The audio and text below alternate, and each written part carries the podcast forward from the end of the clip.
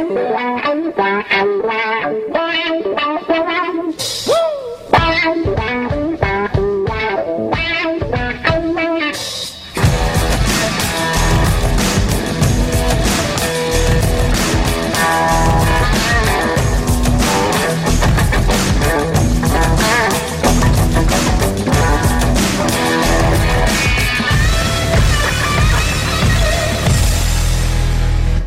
Hallo allemaal en welkom bij weer een nieuwe aflevering van Eindbazen. Vandaag zit bij ons in de studio Koen Luikens. Ehm, Koen is eh, eigenaar en medeoprichter van uh, de overloadprinciple.com. En dat is een organisatie die personal trainers en coaches begeleidt bij het opdoen van kennis die ze nodig hebben om hun eh, werk goed uit te kunnen voeren. Koen, welkom in de studio. Goedemorgen. Goedemorgen. Het was een flinke reis naar Deventer. Zo, ja, dat is een eentje rijden. Ja, dat snap ik. Hey, um, wat ik net al zei, je, hebt, je bent medeoprichter van Overload. Ja. En um, nou ja, ik ging net misschien wat kort door de bocht door te zeggen, joh, dat is een instituut voor personal trainers. Maar kun je misschien zelf eens even vertellen wat Overload in jouw optiek is? Nou, Overload is geboren uit, uh, uit de passie van mij en Bas Willemsen, die je al eerder hebt gehad. En uh, wij zijn een instituut wat mensen opleidt op het gebied van training, voeding en revalidatie. Kun je iets dichter in je microfoon praten trekken? Maar ja. je kan uh, aan dat ding zitten en je okay, kunt gewoon okay. naar je toe trekken. Geen probleem. Ga niet zomaar stuk. Wij zijn uh, inderdaad een instituut. You buy it. Ja. je breekt, je bijt.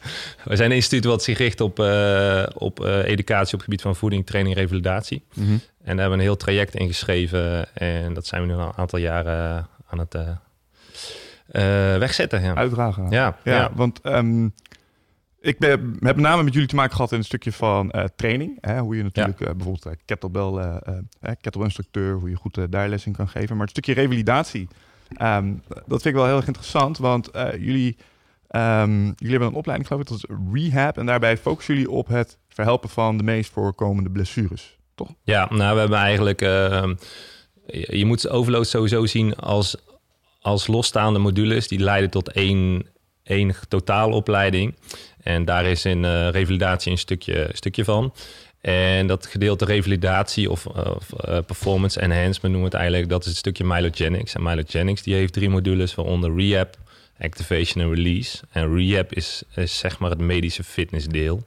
Hoewel als je bij, tegen mensen zegt medische fitness, hebben ze er een bepaald beeld bij. En dat beeld bij ons is iets anders dan wat de gemiddelde persoon bij een normale medische fitnessopleiding ziet. Ja, want het is, het is niet zozeer een opleiding richting fysiotherapie. Want als ik het wel eens probeer uit te leggen, maar wat is dat dan, dat Mylogenics? Ja, ik kom niet veel verder met de beperkte kennis die ik er nu nog van heb als een soort combi tussen een personal trainer, fysiotherapeut en nou ja, sportmasseur klinkt misschien wat oneerbiedig, maar ja. het pakt aspecten uit al die drie. Ja, hoe, hoe het ontstaan is, uh, ik, ik, ben van zijn origine fysiotherapeut. Ja. En um, uh, wij zagen dat, dat je hebt personal trainers die trainen. En je hebt fysiotherapeuten die behandelen, klachten. En de brug daartussen is, was er eigenlijk niet. Of ja. is er nog steeds niet helemaal. Dus je ziet dat, dat een personal trainer heeft veel verstand van trainen... en weinig van revalideren en blessures. Mm. En een fysiotherapeut heeft veel verstand van revalideren... maar minder van trainen. En dat die de brug daartussen hebben eigenlijk proberen te slaan... Alleen je ziet nu dat hij er vaak overheen gaat. Dat je ziet dat, dat mensen neigen naar de personal trainer die Mylogenics heeft gedaan. Ja. Omdat ze daar uh, het resultaat behalen wat ze willen behalen. En wat ze niet altijd direct behalen bij een fysiotherapeut. En waar zit hem dat in? Uh, in onze ogen dat ze een, een niet volledig herstel krijgen bij de fysiotherapeut. Dat is met name onze denkwijze. Ik ben zelf fysiotherapeut en Bas ook. En wij zijn opgeleid op een bepaalde manier. En op het moment dat jij bijvoorbeeld geen pijn meer hebt, wil niet zeggen dat jij uitgerevalideerd bent. Mm -hmm. En, uh, en daar, zit, daar zit geen brug tussen. Mensen hebben geen pijn meer, dus dan gaan ze maar weer wat doen. Dan krijgen ze weer last, komen ze terug bij de fysiotherapeut. Ja. Dus wij hebben eigenlijk die, die, um, die, wat duidelijker in kaart gebracht om, um, om dat stukje ook nog eens op te lossen en, uh, en door mensen op te leiden. En je ziet dat, eigenlijk, dat wij eigenlijk iedereen kunnen opleiden. Dat is een beetje mm -hmm. het mooie ervan. Ja. Hoe is dat proces dan gegaan met het verkrijgen van die kennis? Want uh, je geval je bent uh, um, nou ja, klassiek visio, als je het zo mag noemen. Mm -hmm. Dan ben je voor school, daar hebben ze bepaalde denkwijzes. Ja. En op een gegeven moment kwam je tot de conclusie van, ik mis hier iets. Of je uh, ging met, want een visio wordt niet per definitie getraind in bijvoorbeeld uh, hoe je juist krachttraining moet doseren. Of allerlei andere hè, kennis die een personal trainer wel zou moeten hebben. Ja. Hoe kwamen jullie erbij om dat stukje kennis erbij te gaan halen? Nou, het begon bij mij al na mijn studie, of eigenlijk tijdens mijn studie. En het was meer mijn boerenverstand, zeg maar. Ik denk, ja, we doen dingen. En we, we leren enorm goed theorie. Hm. En uh, de vertaling naar praktijk, daar, daar kreeg ik al een beetje moeite mee.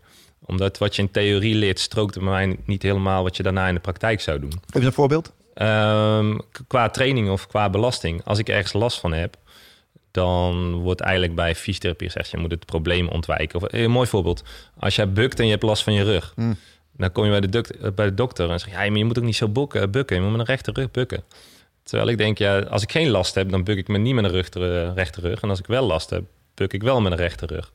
En dan gaan we in één keer aanleren om met een rechte rug te bukken. Terwijl ik eigenlijk denk van ja, voordat ik last had, kon ik met een kromme rug bukken.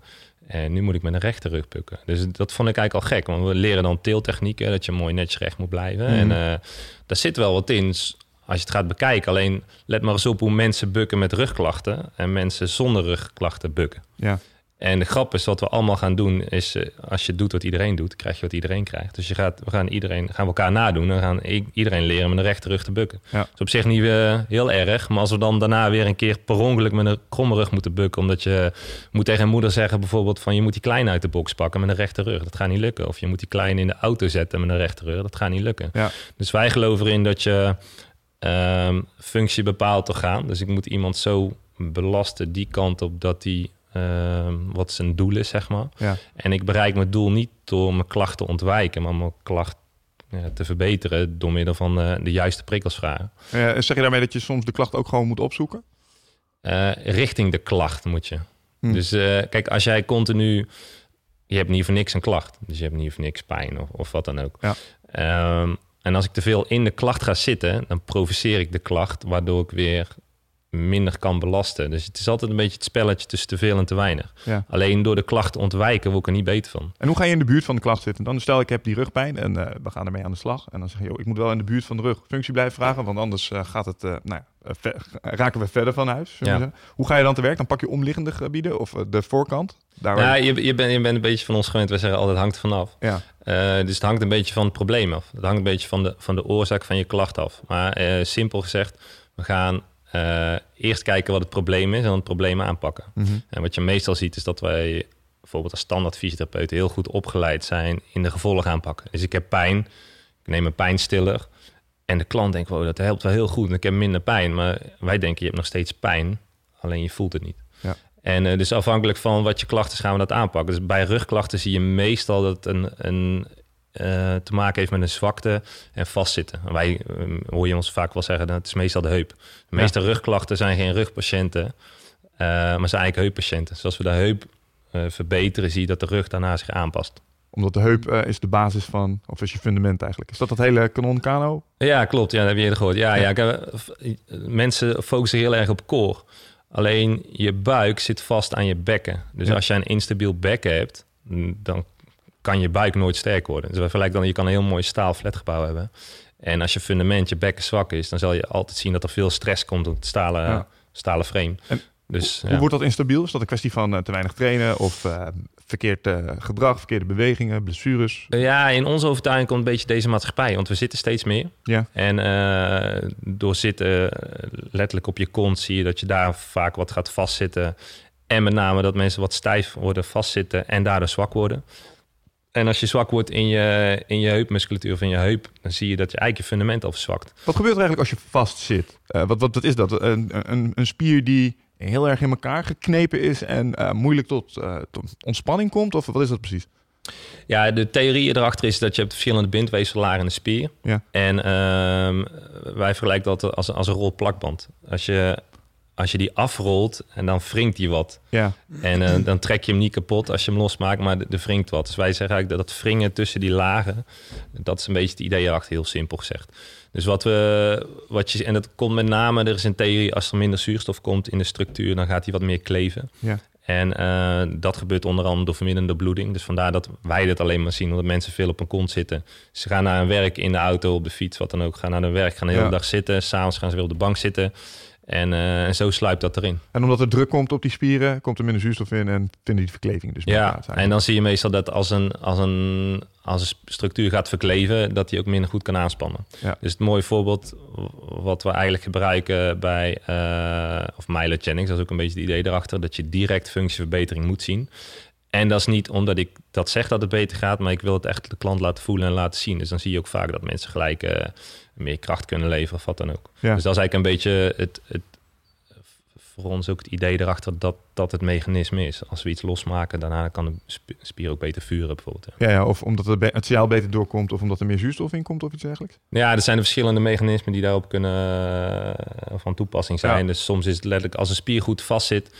Kan eigenlijk mooi vergelijken. Als jij, als jij heel strak een tape om je bovenbeen doet, zal je merken dat je hem niet goed kan aanspannen. Ja. Dat is wel heel overdreven. Ehm, als ik druk zet op je zenuw, en dat kan ook via je bil, een klein beetje druk op je zenuw.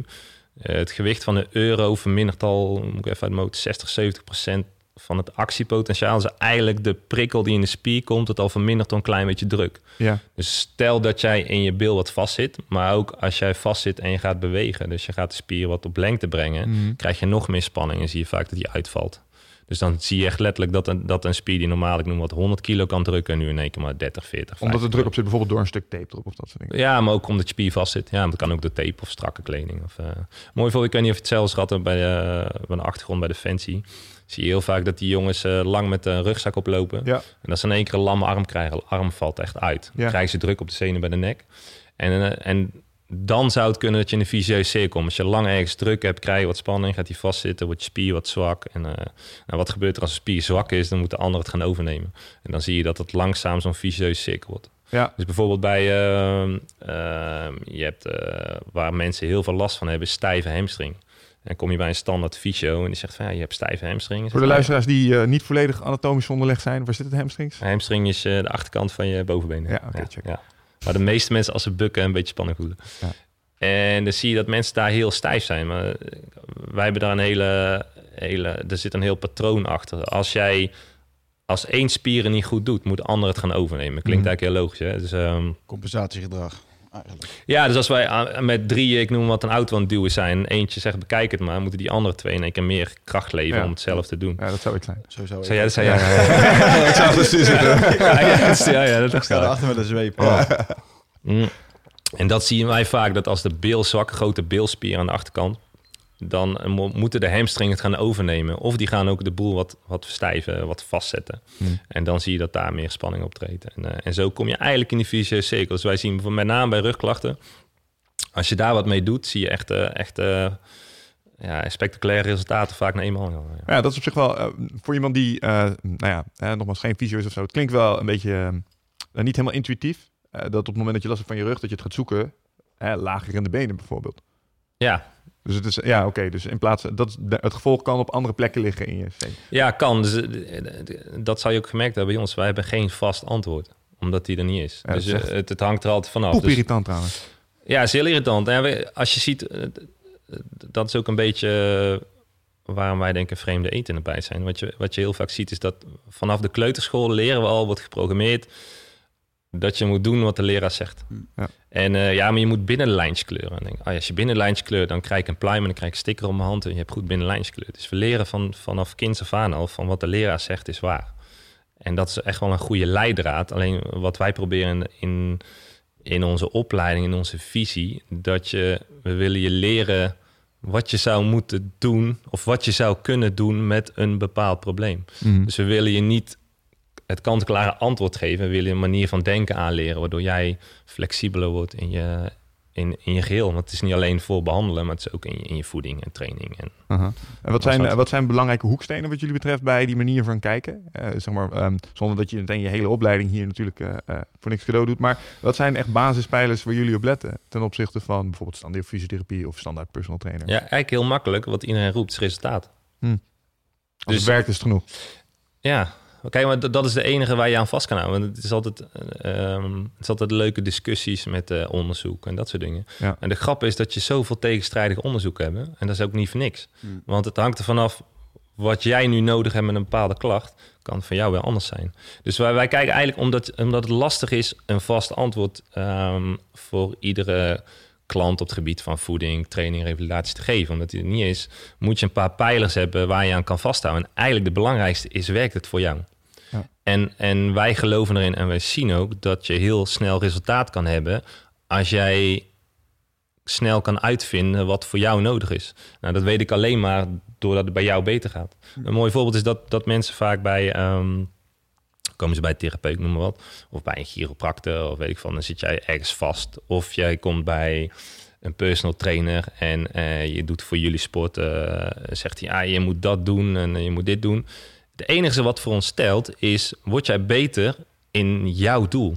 En wat je heel vaak hoort van, nou, nu ben je een stuk leniger, dat is beter. En terwijl jij denkt, oh ja, ik ben inderdaad beter. Maar alleen jij merkt niks tijdens je prestatie. Nee. Dus voor ons is het belangrijkste dat, en ook onze houvast, je hebt een hulpvraag. Is het qua voeding, training, revalidatie. Mhm.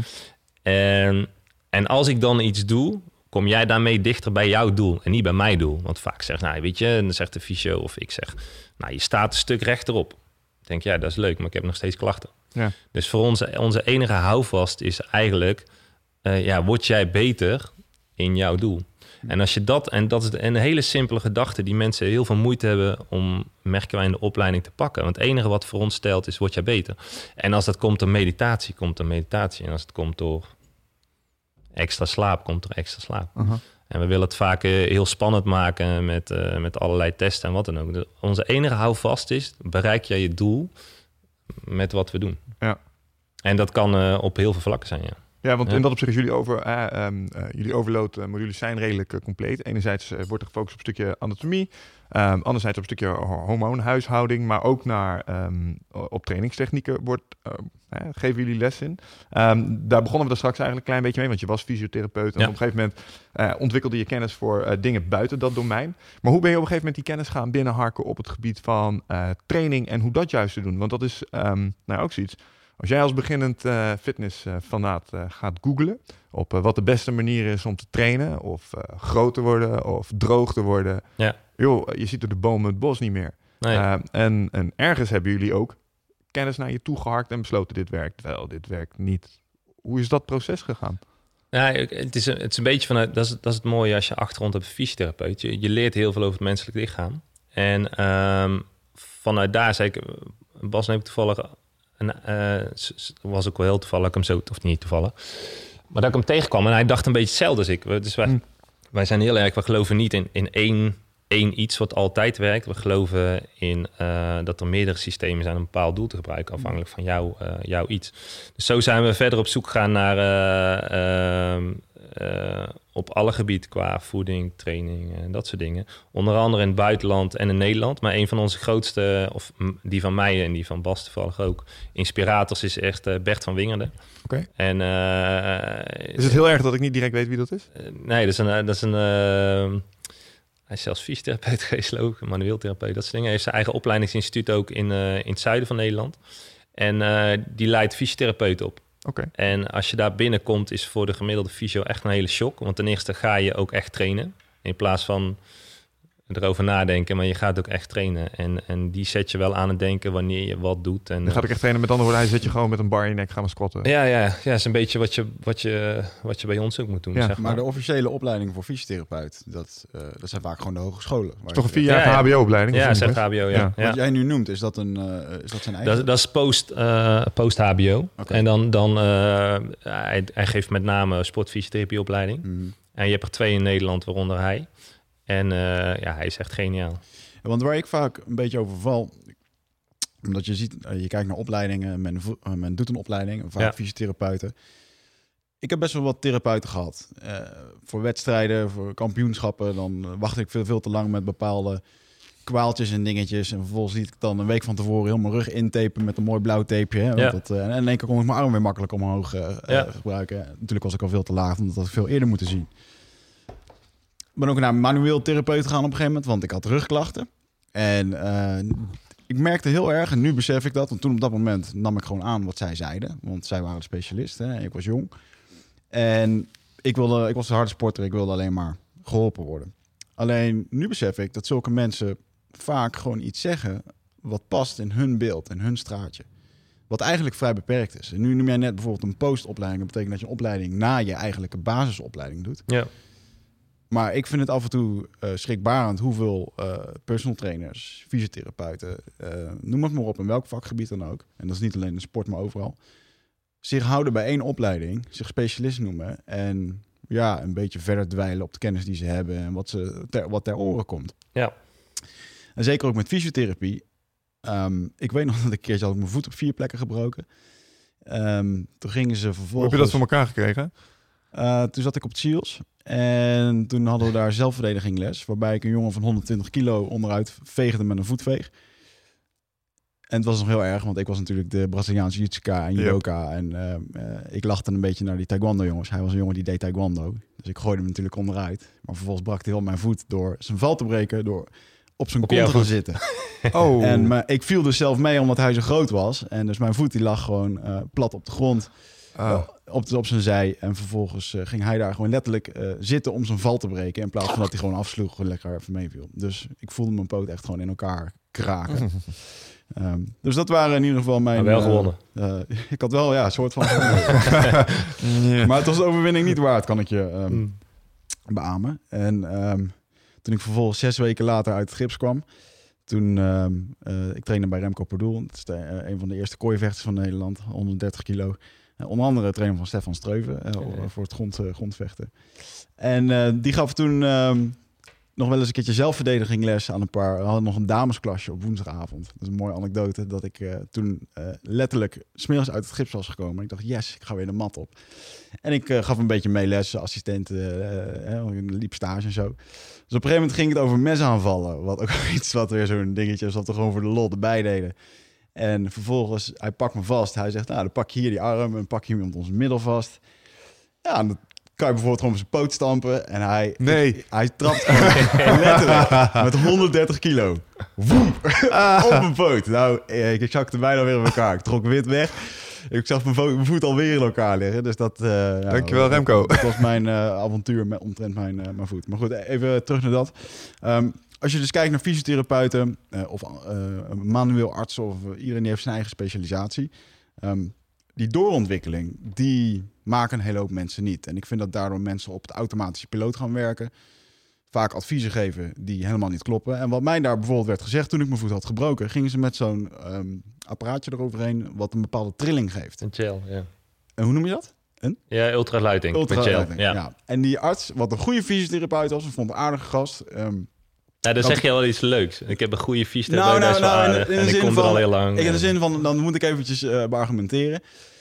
Hij had op zelf op hoog niveau gejudo'd. Dus okay. dat was voor mij een goede klik van die man uh, die weet wat er in mij omgaat. Absoluut, ja. Um, hij was wel wat ouder. Dat gaf voor mij een, stu- gaf een stuk gevoel. En goed, uh, goede referenties vanuit de sport. En hij zei letterlijk toen hij dat ding op mijn voet zette. Hij zo, nou ja, we doen dit ding erop. Want uh, die trilling die zorgt ervoor dat, uh, dat het bot wat dikker wordt. En, althans, dat denken we. Niemand weet het zeker. Maar ja, er is ook eigenlijk niet echt een andere ding wat we kunnen doen. Dus uh, ja, we doen nu gewoon dit. Dat zei hij letterlijk. Terwijl hij dat zat te doen. En mijn verzekeraar daar waarschijnlijk 65 euro per uur voor moest betalen. Ja. En toen had ik echt zoiets van, dit is echt zo ontzettend... Ja, wat ben je nou aan het doen eigenlijk, weet je? En nu ben ik daar wat verder in. En als ik jullie nu zie... Um, en de laatste keer dat Bassie was, heb ik me aangemeld bij een of andere Facebookgroep. Ik dacht dat jullie pagina was. Maar volgens mij zit ik nu een soort van uh, in de secret group van uh, trainers. Uh, waar ik eigenlijk zelf geen diploma in heb, maar ik kijk wel mooi mee. Oh, mag jij erin? En, uh, opschoonacties, nou, dadelijk. Ja, ja, als ik gehoord heb, dan... de auto terug, Bas, het Bas. aanpassen. ja. Uiteindelijk is dat ook het hele doel van deze podcast. Gewoon overal gratis binnenkomen. um, maar ik zie daar in één keer trainers goed met elkaar overleggen. Um, best wel diepe vraagstukken die daar worden gesteld. Die ja. uh, uh, in fitnesscentrums, mensen, want mensen komen gewoon met klachten in een fitnesscentrum. En dat gaat veel, vaak veel verder met medicijngebruik, met klachten, met dingen. En ik moet eerlijk zeggen dat ik best wel onder de indruk was van wat er allemaal nog bij kan komen. Weet je wel, mensen aan denken. En je ziet mensen advies geven en doen. Um, wat is jullie visie op de basis van doortrainen? Ben je ooit uitgeleerd of geven jullie de basis? Want jullie hebben een basis aantal opleidingen. Ja, kijk, ja, ja, nou, basis klinkt altijd een beetje goedkoop. Dus uh, ik, het, het is absoluut... koffie doen trouwens. Uh, ja, lekker. Doe maar even koffie. Ja. nou, dat kan nou. allemaal gewoon tijdens, weet je. Ja, we hebben geen... wordt er niet uitgeknipt zo. Nee, wat... We, uh, je zegt inderdaad uh, basis. Zo denken mensen dat van buitenaf bij ons ook. Maar als je, als je erin zit, ervaar je niet als basis. Uh, maar wij leggen wel een bepaalde basis in de opleidingen. En uh, wat we eigenlijk willen... Kijk, moet je al een basis hebben om bij jullie een opleiding te mogen starten? Nee, maar wat je moet hebben is met name passie. Mhm. Mm -hmm. En uh, dat klinkt heel gek dat je geen vooropleiding moet hebben. Maar wat je... Uh, wij, wij zeggen altijd aan het einde van de, van de module... krijg je bij ons je rijbewijs. Dus je weet hoe je moet rijden, je weet hoe je veilig moet rijden, maar je bent absoluut nog geen goede coureur. En ehm, wat, je, ehm, wat je dan moet gaan doen, is ermee aan de gang. En inderdaad, je bent nooit oud om te leren. Dus, dus wij adviseren ook mensen echt, eh, weet je, ga andere dingen doen, dat soort dingen. Ehm, maar we denken wel dat, ze, wat we, dat we ze in principe genoeg kennis geven om daaruit door te kunnen leren. En ehm, wij geloven ook niet in. Je, je zei net ook wel mooi van ehm, met specialisten en zo. Ik, ik vind het niet erg dat ehm, bepaalde gebieden, net als ik noem wat, een, een, eh, een dokter of een fysiotherapeut of wat dan ook niet doorleert. Want ja, weet je, het hoeft ook niet jouw pas te zijn. Is hetzelfde met, weet ik van, personal trainer en blessures. Maar wat, wat wij eigenlijk wat ik zo jammer vind, dat iedereen op een eilandje gaat zitten. Weet je, iedereen gaat roepen, dit is het, dit is perfect. eh, En dat onderbouwen ze door een voorbeeld te pakken... wat bij iemand een keer gewerkt heeft. Kijk maar, je- bij jou hebben we de... ik noem wat, zet je dat ultrageluid op je voet... en eh, dat werkt geweldig bij eh, Pietje. Dus weet je, dat is het. Wat wij willen, en ehm, dat zeg ik ook al in de opleiding... is is dat je een open mind houdt. Ik denk dat er geen opleiding zo open-minded is als die van ons. Wat ik jammer vind, is dat... eh, wij zeggen altijd, bij de bakker koop je brood. Ga je naar de bakker, dan kom je met brood thuis. Weet je? je komt niet met vlees thuis. Dus als je naar een manueel therapeut gaat... dan wordt er absoluut iets gekraakt. Wat ik, zo, wat ik zou graag zou willen... dat iedereen op het moment waar zijn expertise ophoudt... gewoon zegt van, joh, je gaat naar een collega. En wij zeggen ook wel eens van, ah, weet je, ga naar osteopaat... of ga naar eh chiropractor. Dat is een of- osteopaat. Osteopaat is iemand die met name heel veel werkt op, op, op orgaanniveau. En, ja, en, en waar ze enorm goed in zijn, is met kinderen en met baby's. Je hebt ook verschillende scholingen, hè, dat, is, dat is met alles. Maar ehm, Maar waarom breng je je baby naar een osteopaat? nee, als je, als je kijkt, is, ehm, is bevalling is best wel een fors trauma. Zowel voor de moeder als voor het kind. En ehm, waar wij een klein beetje gebruik van maken is in Mylogenics, is, is bijvoorbeeld je, je schedel. Aan de binnenkant, die zit natuurlijk, je hersenen zitten in je schedel. En je kan letterlijk, als, als er stress komt op je schedel, stress krijgen, onder andere op je hersenen, maar ook op je organen. Ja. Als ik jou een hele strakke band om je, om je buik geef, krijg je wat stress op je organen. Zal dat gevolgen hebben voor je opname en dat soort dingen. Nou, wat, je, wat osteopaten heel goed kunnen doen, onder andere, want het is vrij breed, is, is de problemen daar weghalen. Dus als iemand eh, niet verder komt met bepaalde dingen, dan, dan stuur ik ze wel daar naartoe.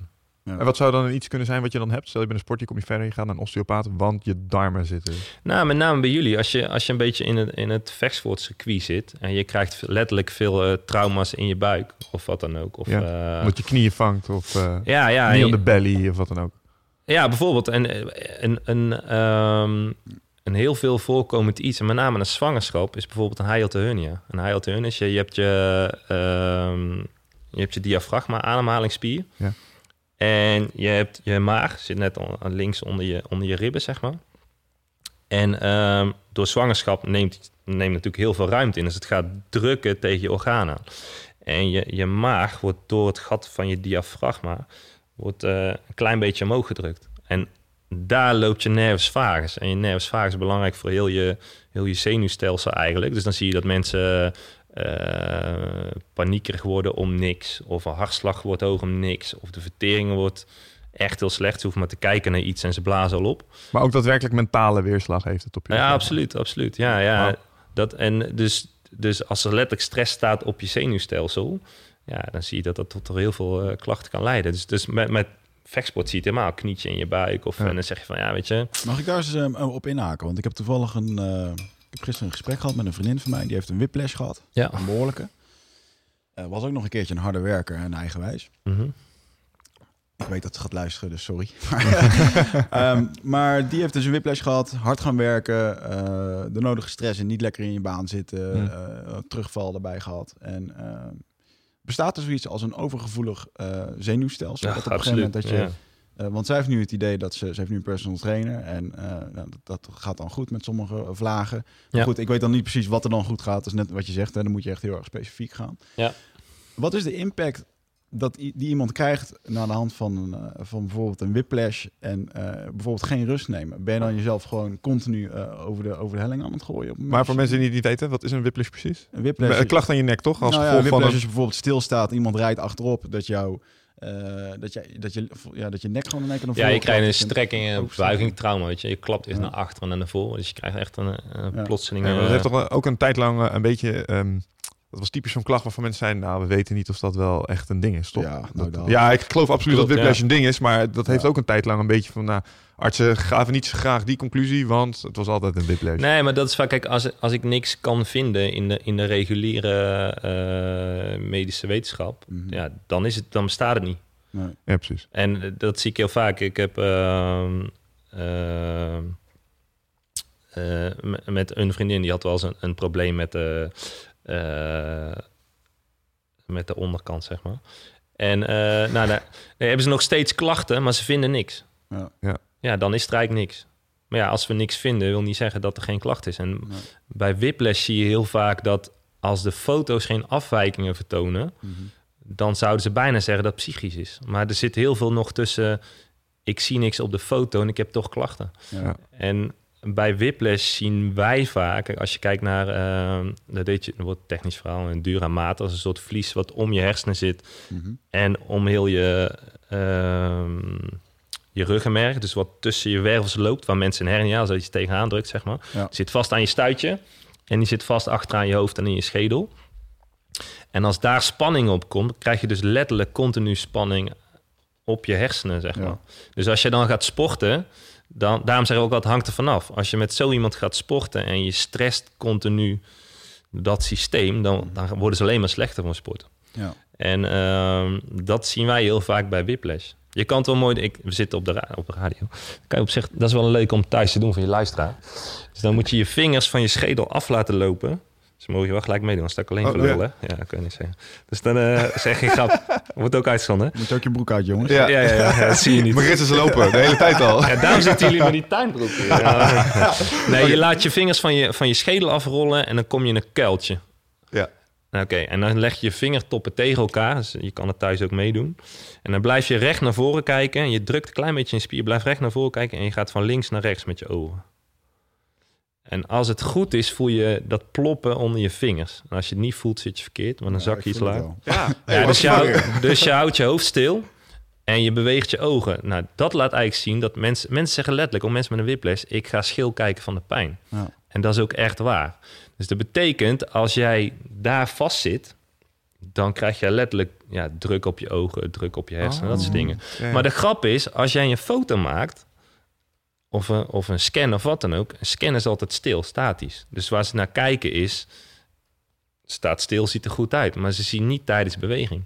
Dat zeg ik altijd ook mooi met een auto. Als je een auto stil zit en je achterwiel loopt vast... denk je, nou, is niks aan de hand. Ga je ermee rijden, gaat die lopen wringen en trekken... krijg je overal last van. Ja. En zet je hem stil, weer niks aan de hand. Dus dat zie je heel vaak bij whiplash-klachten. En dan, dan zit je dus letterlijk aan je zenuwstelsel te trekken. Ja. En dan zie je ook vaak als jij... ehm, en zo komen ook mensen in de vicieuze cirkel. En daarom kijken wij het ook vanuit meerdere hoeken, zoals voeding en dat soort dingen. Als jij continu stress op je systeem hebt, put je dat letter- letterlijk uit. Ja. En dan zie je dat je, als je uiteindelijk een tekort krijgt aan bepaalde voedingsstoffen, zie je dat je zenuwstelsel eigenlijk niet meer echt tot rust kan komen. Mhm. En dan zie je ja, uiteindelijk wel, en dan heb je echt een burn-out. Ja. En een overgevoelig zenuwstelsel, dat, eh, is dat een... ehm, hoe, moet, hoe moet ik dat zien? Een overgevoelig zenuwstelsel. Is dat iets wat gewoon continu eh, gepusht wordt... totdat het eigenlijk overal over op reageert? Of is het gewoon een, is het een soort ontsteking in, in, eh, in je lichaam? Hoe moet ik dat zien? Nou, je, je, je, hebt verschillende insteken. Je kan je, kan je zenuwstelsel continu trainen is bijvoorbeeld ook stress. Dus, dus stress op mijn systeem. En wij noemen dat systeem. Maar het kan ook komen door letterlijk fysiek, eh, wat ik net zei. Bijvoorbeeld zit letterlijk stress op je zenuwcel, op je hersenen, dat soort ook. Kan voor, een mooi voorbeeld is als jij een, eh, een tekort aan magnesium hebt, zie je dat het lichaam eh, wat meer uitschieters creëert op stress. Ja. Dan ken je wel, iemand komt in een stressvolle situatie. Ik noem maar wat, je bent met je vriendin weg en jullie zien allebei even, weet ik veel wat gebeuren. En je schrikt allebei. Mhm. En zij blijft er langer in dan jij. Buiten, kijk, buiten het mentale. Want sommigen zijn mentaal natuurlijk sterker. Ja. Maar mensen reageren wat, wat heftiger op een bepaalde situatie. Echt terwijl, terwijl ze, flight reacties bedoel je? ja, terwijl ze... Kijk, en dat, dat kan natuurlijk in de persoon zitten. En dat is natuurlijk ook een mentaal iets. Maar dat zijn vaak mensen die zeggen... weet je, daar had ik vroeger helemaal geen last van, joh. En nu merk ik al bij het minst of geringste stress... dat dat zoveel impact op me heeft. Dus het is vaak... de- het mentale en fysieke, dat zit heel dicht bij elkaar. Ja. En, en vandaar ook dat, je, dat we altijd zeggen, hangt er vanaf. Want je hebt verschillende insteken. Dus jij zegt net die vriendin met whiplash, die kan misschien echt een, een fysieke component hebben, biomechanische component. Ja. Het kan bijvoorbeeld ook echt, kijk, buiten eh, mentaal, want de ene gaat anders om met stress de andere. Maar het kan ook nog bijvoorbeeld een, een voedingscomponent hebben. Ja. En dat vind ik met name interessant als mensen zeggen van, ja, weet je, daar had ik nooit last van, jongen. Sinds de laatste tijd Mhm. heb ik dat wel. Je ziet heel veel bij, bij, bij Defensie. We hebben veel eh, bij Defensie gedaan. Ook die antiterroristische eenheden en ook bij arrestatieteams en dat soort dingen. Of bij vechtsporters. zijn in principe mentaal hele sterke jongens, want Mm. anders doen ze dat vak niet. En hebben ze het een paar jaar gedaan en dan merken ze, weet je, ik word, ik word een beetje labiel. Ik snap niet hoe het komt. Mhm. En wij verklaren dat om, ja, onder andere door eh, voedingstekorten of, of letterlijk door dit soort dingen. Bij vechtsport ziet heel veel. Veel aan je nek getrokken en dat soort dingen. Ja. dingen. Ja. Ik las laatst een keertje een, eh, of las, ik, ik hoorde dat, een eh, dokter die werd geïnterviewd omtrent zijn visie, is heel, of tenminste zijn visie eigenlijk, waar hij zich op specialiseert, is op het testosterontekort bij, bij, bij, bij mannen en vooral Ja. bij veteranen. En hij vertelde een verhaal waar mensen, vooral Amerikanen, uitgezonden werden, continu uit helikopters springen, vervolgens eh, hard op de grond neerkomen hè, via zijn touw. Iedere keer dat ze schieten, iedere keer Ja. dat je schiet met een karabijn of wat dan ook, of een, eh, bestaat er überhaupt nog een karabijn? Ja, ja, ja, Ja. volgens mij wel. Ja, hoor. M4. Niet dat Eh, maar iedere keer dat je dat doet, is dat een impact op je schouder, op je, maar ook op je hersenen. Want je hoofd beweegt er ook mee. En eigenlijk dat op het moment dat ze dus eigenlijk zo'n soldaat terugkomt, 200 keer uit een helikopter is gesprongen en ongeveer 4000 keer heeft geschoten. Dan is dat ja, toch een behoorlijk aantal tikken wat je in je hersenen hebt ge- ge- gekregen. Waardoor de testosteron in één keer eh, aanmaak veel minder werd. En, Ja. eh, waaronder dus ook onder andere dat, eh, dat stresssyndroom. eh, Er was, was een mooi onderzoek bij de Canadese mariniers na drie dagen bootcamp. En dan niet het bootcamp eh, wat hier natuurlijk gewoon, maar Hmm. dat is echt bootcamp in koud en weinig slaap en dat soort dingen. Militaire training bootcamp. Ja, echt eh, de, de Canadese mariniers. Dat na drie dagen bootcamp, dat ze het testosteronniveau hadden wat minder was van een vrouw. Wow. Dus dat betekent dat overtraining, dat was ook, of ja, overtraining, veel stress en dat soort dingen, je testosteron al kan doen dalen. Ja. En wordt die, gaat hij weer eh, stoppen? Nee, nee, nee, Kom, nee, piep. Nou, ehm, ik ken trouwens best wel veel mannen die minder testosteron hebben dan een vrouw. ja, maar kijk, kijk in. Eh, zit je mij nou weer aan het kijken? Nou ja, als je, als je tegenwoordig ook kijkt, zie je steeds meer dat, dat eh, bij het zwanger worden, bij st- stelletjes, dat de man het probleem is. En wij wijten dat meer aan, aan, een, aan een vicieuze cirkel. Onder andere zinktekort en dat soort dingen kan ervoor zorgen dat testosteron bij een man daalt. Maar je, je hebt, je hebt eh, meer dingen, maar dat is een veel voorkomend iets. En, eh, en bijvoorbeeld overtraining en slechte maagdarm en dat soort dingen. Het haakt allemaal een beetje op elkaar in. En dan zie je nou dat testosteron kan gaan dalen. Maar je kan het ook wel laten stijgen. Alleen wat, wat, wij vaak zien, als het minder gaat, gaan mensen, tenminste in een beetje in de, in de hoek waar wij gezeten hebben. Als het minder gaat, gaan ze harder werken. En dat kan inderdaad misleidende zijn. Dus het, het, blijft altijd, je moet eh, doen wat bij die persoon nodig is. Maar met testosteronverhaal zien wij vaak dat het komt door eh, een voedingstekort en verkeerd en te veel trainen. Ja, want eh, we hadden het nu net even over testosteron en mannen en vrouwen. Dat is nog wel eens typisch zo'n misvatting eh, die je tegenkomt op het moment dat je met eh, eh, dames gaat trainen bijvoorbeeld. Ja, eh, hè, we willen geen benen trainen, want testosteron. En wordt ook zo'n buffel. Ja, Ehm, misschien ook wel goed om dat voor eens en voor altijd eens een keer uit de wereld proberen te helpen. Dames hebben evengoed testosteron nodig in hun fysiek als mannen dat nodig Ja. hebben. Ook voor spierbouw. Hoe zit dat precies? Ja, vrouwen maken minder aan als mannen. En dus het, kijk, het, het mooie vind ik altijd dat als eh, die vrouwen zijn dan bang een beetje zwaar te trainen. En Ja. ik denk, die Ze worden. willen geen Russische kogelstoters worden. Nee, dus die Ja. denken dat ze dat gelijk worden. En ik denk altijd, nou, dat zouden mannen wel fijn vinden als het zo zou werken. Dan hoeven de mannen allemaal niet zoveel hun best te doen. Dan zouden ze ook groeien. Ja. Dus het, kijk, de grap, er zijn altijd uitzonderingen. En dat is altijd wel leuk, waar altijd die discussies over staan. Mensen pakken altijd de uitzondering. Dus vandaar ook dat wij nooit iets vastleggen, je moet dat nooit doen. Maar als je kijkt over het geheel, zie je dat vrouwen echt niet zo goed kunnen groeien als mannen. Nee, En, eh, en niet zonder hulp in ieder geval. nou, kijk om, je, nee, kijk om je heen. Als je ziet, de, de, de vrouwen die het hardste trainen, zien er vaak nog... Nou, dat is niet helemaal waar. Hardste trainen qua... Als je kijkt richting krachttraining, zien er vaak het best uit. En je kan het altijd doortrekken. Want als je dan een paar eh, eruit pakt die echt mega gespierd zijn... Ja, zeggen, ik heb wel wat dames zien rondlopen die het op eh, internationaal niveau heel Ja. erg doen. Ze staan niet noodzakelijk helemaal bovenaan mijn lijstje met knapste vrouwen ooit. Maar- Nee, klopt. Maar de- die, je, kijk, dat is hoe ver je het doortrekt. Als je ziet wat die verplaatsen, uiteindelijk gaat je lichaam adapteren en dan krijg je absoluut wel meer spiermassa en dat Ja, soort maar dingen. dat is puur omdat ze zware dingen gewoon optillen. Nou ja, en, en de voeding hoort erbij. En dat is, kijk, als jij, heel simpel, als jij eh, eet als een mug en je traint als een, ba- eh, als een bodybuilder, dan ga je ook niet groeien. Ja. Dus het haakt dan op elkaar in. Als jij eet als een bodybuilder en je traint als een marathonloper, dan ga je er ook niet zo uitzien. Dus dat haakt allemaal een beetje in elkaar. En je ziet, ik denk dat de goede zaak is dat, dat, eh, dat vrouwen gaan kracht trainen. Alleen, ja, die, die, dat blijft een beetje bestaan, dat je heel snel gespierd wordt. Ja. Wat ik vaak denk, en dat zien we ook als wij bijvoorbeeld ons, ons PHP doen, is dat... staat dat voor?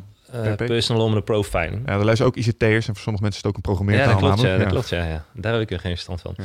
Maar dan maken we op basis van, van jouw lichaam een, eh, een, een trainingsschema. Ehm, eh, is dat vrouwen denken, oh man, mijn benen worden dikker.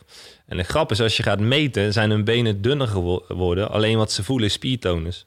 En zij associëren die meer spanning die ze krijgen in hun benen met bijvoorbeeld strakke broeken. Dus ze denken, oh, alles voelt veel strakker. Met spiertonus bedoel je dat fenomeen dat je na een zware training dat soms spieren boller aanvoelen. Weet je, als je veel push-ups hebt gedaan, dan heb je het gevoel dat twee dagen later je borstspieren boller zijn. Dat ja, bedoel bijvoorbeeld. Maar je, je hebt ook mensen die niet eens heel gespierd zijn, die toch een goede spiertonus hebben. Dus als je die vastpakt, dan knijp je niet in een spons, maar knijp je in, Ja. eh, ja, oké. Mag, mag ik even op een ehm, ehm, wat ehm, actueler eh, dingetje instappen? Want afgelopen week was het nog weer in de krant. Er was een eh, model, Sarah Stage, Hm. die zwanger was. Ik geloof acht maanden. En eh, die zag er gewoon fit as fuck uit, laat Ja. ik het zo zeggen. Maar die kreeg daar wel heel veel commentaar over. Heb je het gezien of niet? Nee. Oh, dan... ehm, wacht, ik ga jou gewoon even de foto laten zien. Daar is zoveel... Want dan zeg je... Ja, iedereen, dat komt dan in de Telegraaf. En dat zie je dan hier. Acht maanden zwanger. Ja, Ja, die mag bij mij aankloppen, toch? Holy crap. Ja. Gaat wel even natuurlijk aan de kijkers. Ja. Ja. Ja, die mag bij mij aankloppen hoor, tegen die tijd. eh, en ook daarvoor trouwens. Maar, eh, maar ehm, is zoiets gezond volgens jou? Je, dat zeg ik altijd, hangt er weer vanaf. Als je ziet eh, in, eh, in Afrika, dan doen ze letterlijk tussen de bedrijven door even bevallen. Ja. Even. Dus dat is, ja, maar als je het ook ziet ook, dat, dat is daar helemaal geen, geen shock. Weet je, het, het is wel heel makkelijk. De ene persoon kan het wel handelen en de andere niet. Ik, Ja. Kijk, de, iemand voelt zelf, de meeste mensen kunnen zelf perfect aanvoelen wat goed is. Mhm. Ehm, Nou, ik vraag me dat af, of dat heel veel mensen dat kunnen. Ik denk dat Nou, heel veel mensen zich heel erg laten beïnvloeden Nou, door, dat, eh, dat, is hoort. met name. Ja, dat is ook een beetje wat wij, wat wij proberen. En heb eh, Michel dat gewerkt tijdens de opleiding.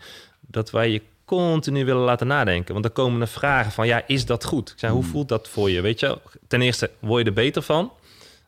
Eh, als dat voor jou is, nou, dan denk ik dat je in een goede kans zit. Ik kan niet altijd oordelen voor iemand of dat goed voor je is. Maar ik Ja. denk dat als jij een gezond lichaam, kan dat handelen. Alleen wat, wat je vaak ziet, en dat, dat is typisch iets wat je in deze maatschappij ziet, en vooral als het als op celebrity niveau komt. Mhm.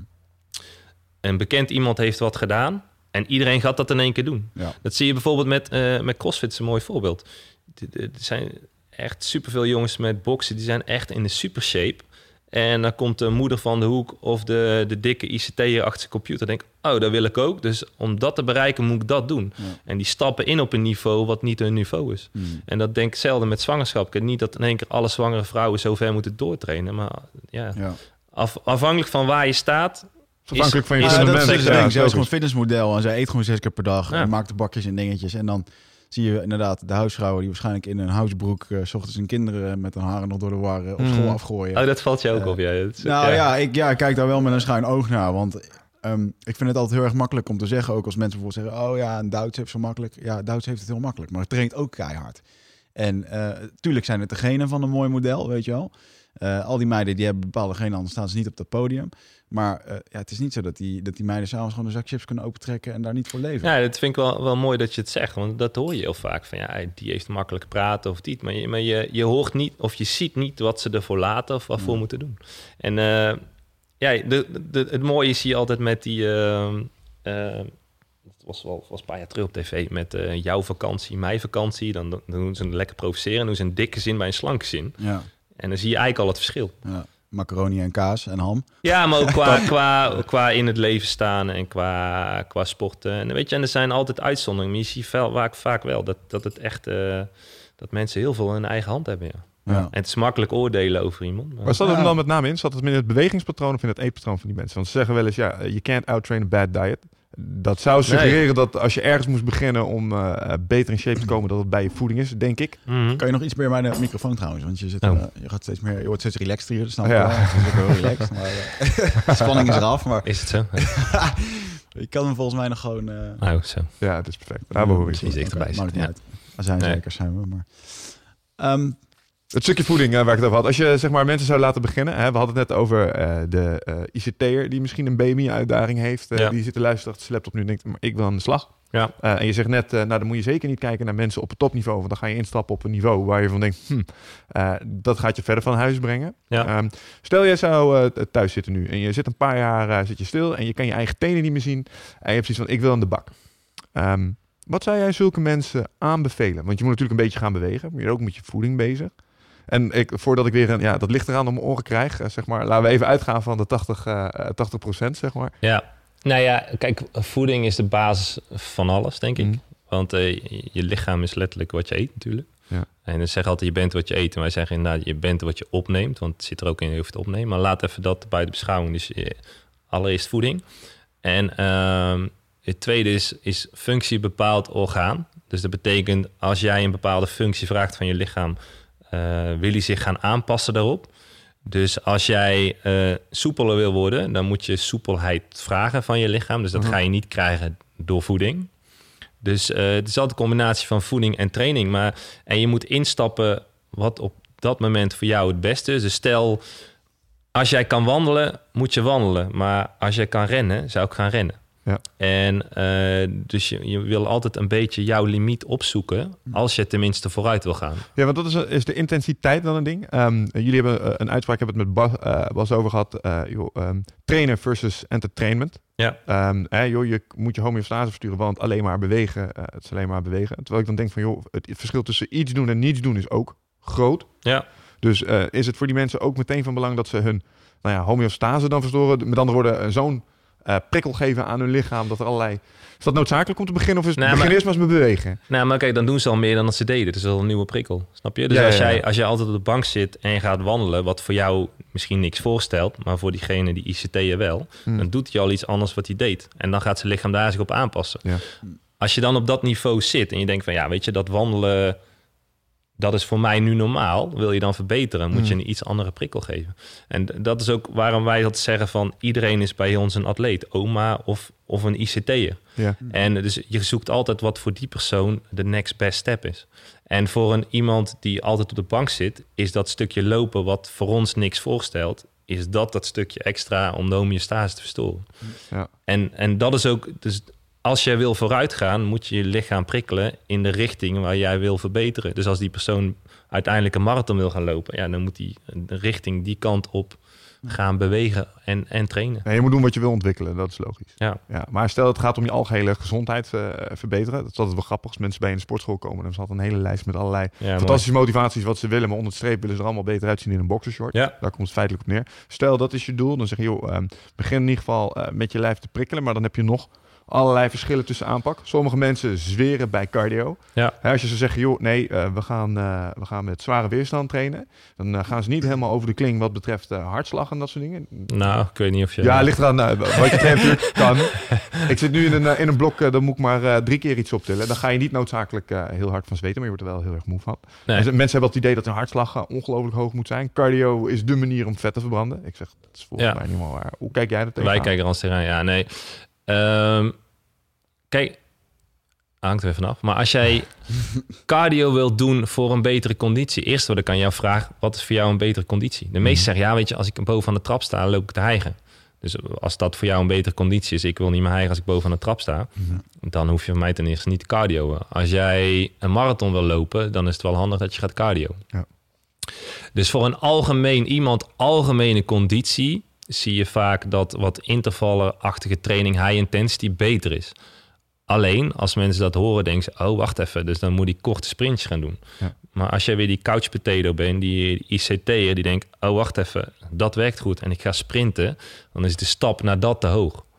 Dus dan ga je daar. Belast je te veel als je dat direct Ja, doet. ja, als je van, van niks doen naar sprinten, dat, daar zit, dat is iets te grote stap. Mhm. Dus voor de meeste mensen om wat te beginnen met een beetje cardio is op zich niet verkeerd, afhankelijk waarvan je vandaan komt. wij beredeneren vanuit een ander iets. Onze insteek in onder andere dat hormone profiling is... Kijk, mensen gebruiken het om af te vallen en dat soort dingen. Of aan te komen, want gebruiken het ook bij, bij topsporters om aan te komen, dat soort dingen. Onze, de, onze insteek bij dat is, is health. En de biomarkers van health, gezondheid, zijn onder andere spiermassa, spierkracht en cardio staat iets lager. Dus op het moment dat jij spiermassa, spierkracht behoudt, zeg maar, betekent dat jij in een anabool opbouwend iets is of, of bent. Eh, en dat zijn belangrijke biomarkers van health. Als je die, als je die gaat kijken eh, in functional medicine en dat soort dingen zijn die vrij hoog. Dus waar wij meestal voor kiezen bij de meeste mensen met een normaal algemeen doel is relatief krachttraining, dus Ja. sterker worden. En als het kan, indien nodig nog wat spiermassa opbouwen. Als daarbij een doel komt van ik wil een marathon lopen, of wat dan ook, ja, dan ga je absoluut cardio. Want die is wel even interessant, die nuance die je daar zojuist aanhaalt. Er zit dus een verschil tussen, en dat denken mensen vaak, hè, van ik ga sterker worden, dus ik ga je sterker maken. Oh, dat betekent waarsch- waarschijnlijk dan ook dat ik automatisch veel breder en gespierder word. Ja, En dat is volgens mij ook niet helemaal waar, want ehm, trainen om iets heel zwaars van de grond op te kunnen tillen is volledig anders dan trainen wederom voor het strand. Ja, dat is een beetje wat je net zei. Ik, ik til een gewicht eh, een paar keer op en ik ben aardig verrot. En dat, dat noemen we neurologisch trainen. Dus je leert je zenuwstelsel om zoveel mogelijk in één keer in te zetten. Dat betekent alles wat je hebt, probeer je zo snel mogelijk in te zetten. Ja. En dat zie je heel vaak bij, als je kijkt naar de Olympic lifters, dan zie je dat zijn relatief kleine dames staan er ook bij. En natuurlijk zijn die absoluut wel gespied. Want anders tillen ze ook niet zulke zwaar gewichten.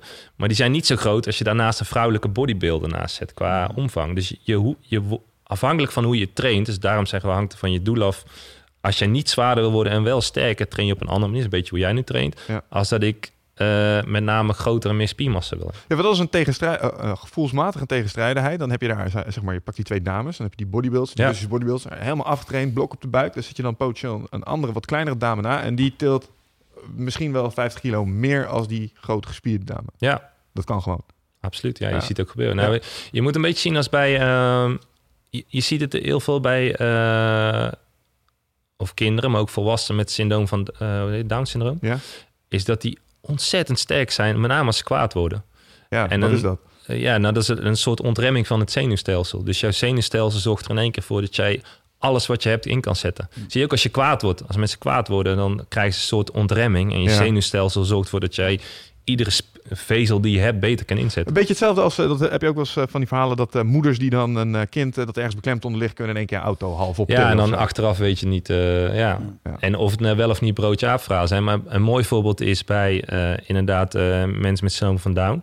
Maar ook, eh, nou, ik weet niet of je veel te maken hebben gehad, maar als mensen doorgesnoven zijn. En dan, dan eh, komen er drie van die uitsmijters en die hebben gewoon moeite mee om zo'n mannetje van 60 kilo in bedwang te houden. Dus dan zie je echt dat, dat als het zenuwstelsel ontremd raakt, en dat kunnen we eigenlijk niet echt bewust, dat wordt een soort, soort oerinstinct, ja, dan zie je dat, dat je niet heel groot hoeft te zijn om sterk te zijn. Ja. En mooi voorbeeld weer een chimpansee. Want dat zeggen ze, hè, een chimpansee eh, die is net zo sterk als drie volwassen mannen. Als je kijkt naar spiermassa, is zo'n beest misschien 50, 60, 70 kilo. Ja, maar heb je wel zonder wel- haar gezien?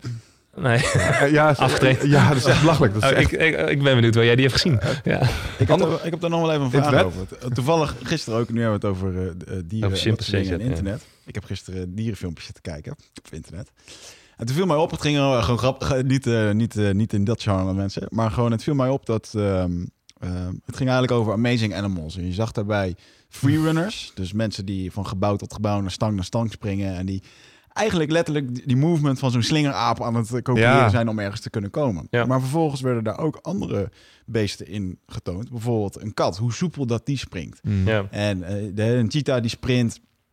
En ik zat me toen af te vragen, mede omdat ik zelf veel eh jiu wedstrijden heb gedaan en ik ben nu meer met krachttraining bezig, dat die beesten die zijn natuurlijk heel erg gemaakt op overleven. En dat hebben wij natuurlijk ook. Alleen wij, wij zijn er wat meer alomvattender. Wij kunnen meer dingen doen, zeg maar. Maar zo'n beest is heel specifiek heel erg goed ergens in. Is het nou ook zo dat op het moment als je veel hebt gesport, van jong af aan, bijvoorbeeld veel spelsport hebt gedaan, ehm, of bijvoorbeeld veel vechtsport hebt gedaan, en je gaat in één keer de overgang maken eh, naar bijvoorbeeld krachttraining.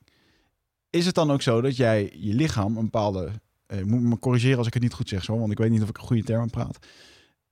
Leer je jezelf een bepaalde spierstructuur aan of een bepaalde spierbouw? Is het dan moeilijker bijvoorbeeld voor mij als vechtsporter, eh, die vaak heel erg, eh, ja, toch redelijk gewoon afgetraind zijn en?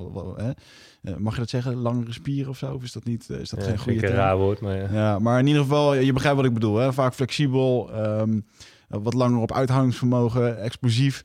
Ehm, is het dan moeilijker om voor mij bijvoorbeeld in één keer echt kracht te gaan trainen om heel veel aan te komen? Is dat, moeten mijn spieren daarvoor een bepaalde overstagperiode Nee, nee, nee, maken, denk of- juist niet. Ik denk dat je, dat je basis juist nog beter is. En ehm, maar weet je, spieren aankomen heeft heel veel factoren. Dat hangt af van je training, van je, eh, van je constitutie, hoe zeg je dat? Waar je, eh, training, voeding en dat soort dingen. En heel je lijf. Kijk, je ziet dat het verschil is tussen mensen die ehm, wel en niet resultaat hebben, is vaak echt dedication tussen Ja. de oren. Als ik zie wat sommige mensen doen en die hebben niet eens talent, tussen aanhalingstekens, maar die hebben echt een perfecte mindset. Die komen echt een heel eind. Mhm. En eh, dus ik, ik geloof niet zo. Ik geloof wel dat, dat de ene een beter baas heeft dan een ander. Kijk, wij, wij, wij geven, wel, geven wel eens gekscherend voorbeeld. Van eh, hij hoeft maar te kijken naar Eurosport en die groeit al. Ja. En, en jij moet er meer moeite voor doen. Ja. Ik geloof absoluut dat er, dat er verschil is tussen mensen. Maar ik, Ja. ik geloof niet dat het, dat het je... En als je puur kijkt op krachttraining, dat als ik bijvoorbeeld vroeger heel veel circuitjes heb gedaan, ik heb, heb er mijn bodypump lesjes gedaan en Ja. dat soort dingen. En in één keer gaat men, eh, wil men eh, bodybuilding gaan doen, hypertrofie gaan Ja. creëren. Moet je lichaam daar wel aan wennen aan die overslag? Of is het, ook gewoon, is het eigenlijk gewoon weer een soort van belasting, gewoon een andere prikkel voor je lichaam, waar je lichaam direct op reageert? Als jij een prikkel geeft en je, de lichaam heeft de mogelijkheid om te adapteren, zich aan te passen, dan gaat hij ook zich aanpassen. Maar ik weet niet waar je op doelt, maar je ziet bijvoorbeeld dat, dat bijvoorbeeld de, ja, perfect voorbeeld de Jamaicanen, Mhm. Daar gaan wij als eh, gemiddelde Nederlander nooit in de buurt komen van sprinten. Nee. Die hebben met name veel fast twitch spiervezels, de echt explosieve spiervezels. Nou, ik denk dat ik daarop doel, dat je En, die eigenschappen, of dat dat op korte termijn of lange, middellange termijn veranderd zou kunnen worden. Nee, nee, nee, nee, nee. Je kan, weet je, je kan altijd een klein beetje shiften. En daar is altijd veel discussie over. En ik geloof altijd dat je een beetje kan shiften. Maar als je kijkt naar hoe de, hoe de met name Kenianen en Marokkanen geloof ik, Ja. die zijn echt die de marathon beheersen, zeg maar. Dat is gewoon genetisch dus. Nou ja, die, hebben, die, die neigen meer naar de slow twitch spiervezel. Mhm. En de Jamaicanen echt naar puur fast twitch, echt explosieve vezel. Dat zien we heel vaak. Dan kan jij clubkampioen zijn in Nederland. En dan komt er eh, een, een, eh, een gekleurde jongen aanlopen. En die, die denkt, oh, wat doen jullie hier? Even sprinten. En die sprint jou, het licht uit je ogen. Ja. Weet je, dus sommige dingen zal je nooit... Kijk, op wereldniveau zie je altijd... Daar zie je meestal de shifts komen. Op amateurniveau kan je heel veel door, door eh, dedication Ja, en dat soort dingen krijgen. Maar Maar als je wel- dat bedoelt, ja, dat ga je niet echt aanpassen. Ja. Dat geloof ik niet. Op een mooie anekdote van eh Karen Thomasjan, die toen hier bij ons was. Ja. Eh, eh, een Oostblokker die eh, voor ons gelukkig in Nederland ehm, nu goed aan de weg aan het timmeren is om eh, op gewicht heffen een beetje op het niveau te brengen. Die zei gewoon, als je Nederlander bent en heel Nederlands kampioen worden met gewicht heffen, moet je lekker twee keer per week gaan trainen. De rest kan je vergeten. Ja. En ja, dat is ook wel zo. Hij heeft het toevallig niet gehaald afgelopen donderdag op het eh, Oh. EK gewicht heffen. Jammer. Maar eh, goed. Hij is er hard voor getraind. Ja, mindset is echt eh, misschien wel het belangrijkste. Kijk, en wij, wij doen er niet zoveel mee qua indirect wel. mm, Qua, qua mindset. En eh, daarom zie je ook dat mental coaching zo in, in opkomst. Kijk, je, je men- mentale, je attitude is, is misschien wel het belangrijkste bij alles. Ja. Mm. En eh, je ziet heel veel talenten met slechte attitude... die misschien veel verder zouden kunnen komen... als eh, het niet-talent met een eh, goede attitude. Maar ja, Ja, ik denk dat er ook heel veel talent rondloopt dat eh, misschien niet die attitude heeft, maar ook gewoon niet de omgeving heeft die ze prikkelt. Dus Absoluut, een trainer ja. die daar gewoon goed op inspeelt en niet zijn eigen ding probeert op te dragen. Je ziet het ook vaak in vechtsport. Veel Ja. trainers die eh, zelf goed een kunstje kunnen en dat kunstje proberen over te brengen op een leerlingen. Terwijl dat, dat is niet de essentie van een goede leraar. Een goede vechter is ook geen goede leraar. Je ziet vaak dat de ex- ex-profvechters of kickboxers die gaan dan vervolgens lesgeven omdat ze ja, uitgerangeerd zijn in de ring. Ja. En dan eigenlijk een les geven die, niet, eh, die daar niet goed op, eh, goed op aansluit. Ja, het is wel mooi wat je zegt, want je ziet heel vaak dat we doen wat we altijd deden, wat bij die ene persoon heeft gewerkt. Ja. En, en eh, ik zeg altijd mooi, kijk eens naar alle wereldkampioenen van de afgelopen zoveel jaar op, op, op iedere sportgebied. Ze trainen allemaal anders. Ja. En wat, wat gaan de meeste mensen doen? Ook de gemiddelde personal trainers of wat dan ook, die volgen, oh wacht, dat is een goed schema. Mhm. En eh, dat is ook een beetje, eh, en dat heb je gemerkt met je opleiding. Wij gaan Mhm. niet zeggen dat moet je doen. Als dat voor jou werkt, dat is heel mooi, maar dat wil niet zeggen dat je dat moet Ja. blijven volgen. En ehm, de, je ziet ook dat inderdaad zo heel veel talenten kapot worden getraind. We zien het Ja. ook heel vaak. Net, ik gaf net het voorbeeld van, van die sprinter, zeg maar. Dan is er een open dag bij een atletiekvereniging. Komt zo'n zo'n jongen aanlopen, die gaat als een malle, of die trainde al een beetje zelf. En wat doen ze meestal als ze zelf trainen? Dan trainen ze op gevoel. Van, ja, weet je, dat voelt goed, dat voelt niet goed. Ik zeg niet dat je altijd op gevoel moet trainen, maar dat is wel een hele belangrijke factor. En dan zeg je, hey, je bent een talent, je moet bij ons komen. Nou, wij trainen altijd zo. Dan gaan ze zo trainen en kijken om je heen. Dat gebeurt echt heel vaak. En dan zeg je, ja, het valt een beetje tegen dat talent. Mm. Want dan gaan ze hem trainen zoals ze iedereen hebben getraind. Of bij vechtsport zie je ook hele dagen, max rammen en dat soort dingen.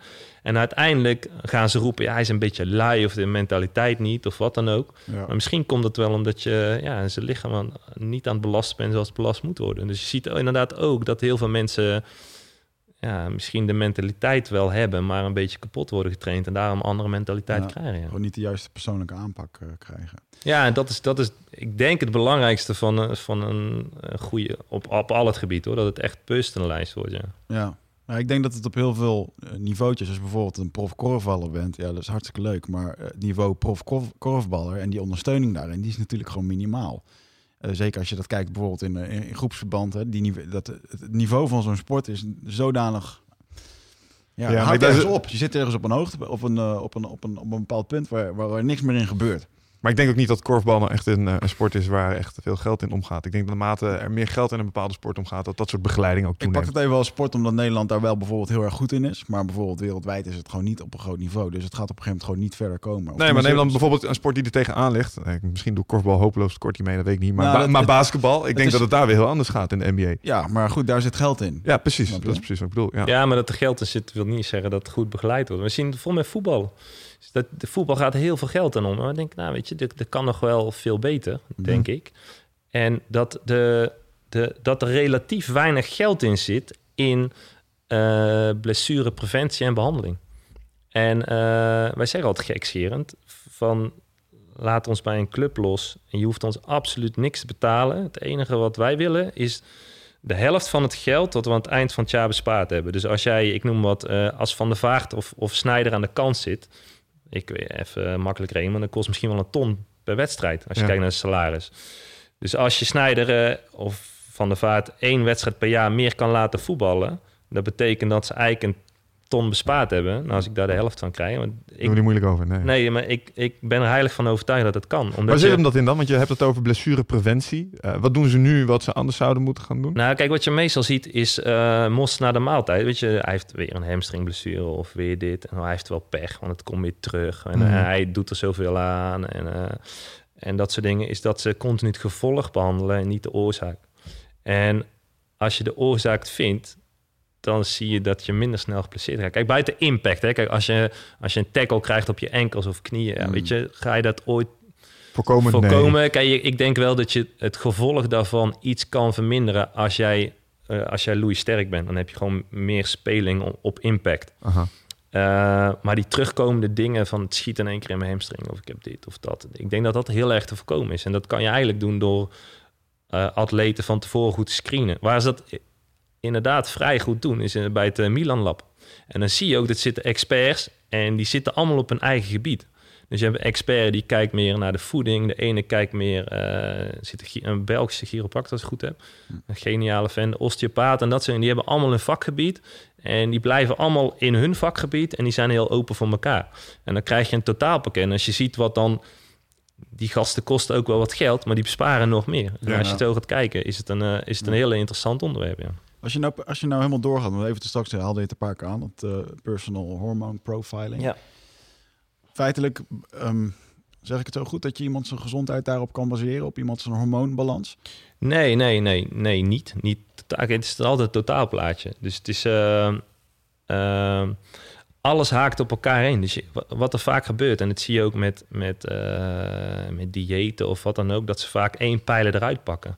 En dat kan goed zijn als je op die ene pijler een probleem hebt, maar alles haakt op elkaar in. Dus hadden het straks over je zenuwstelsel. En je zenuwstelsel en hormonaalstelsel, die gaan, die gaan vrij goed samen. Of dus die gaan samen. Dus je kan niet zeggen, ik moet alleen dat doen of dat doen of dat doen.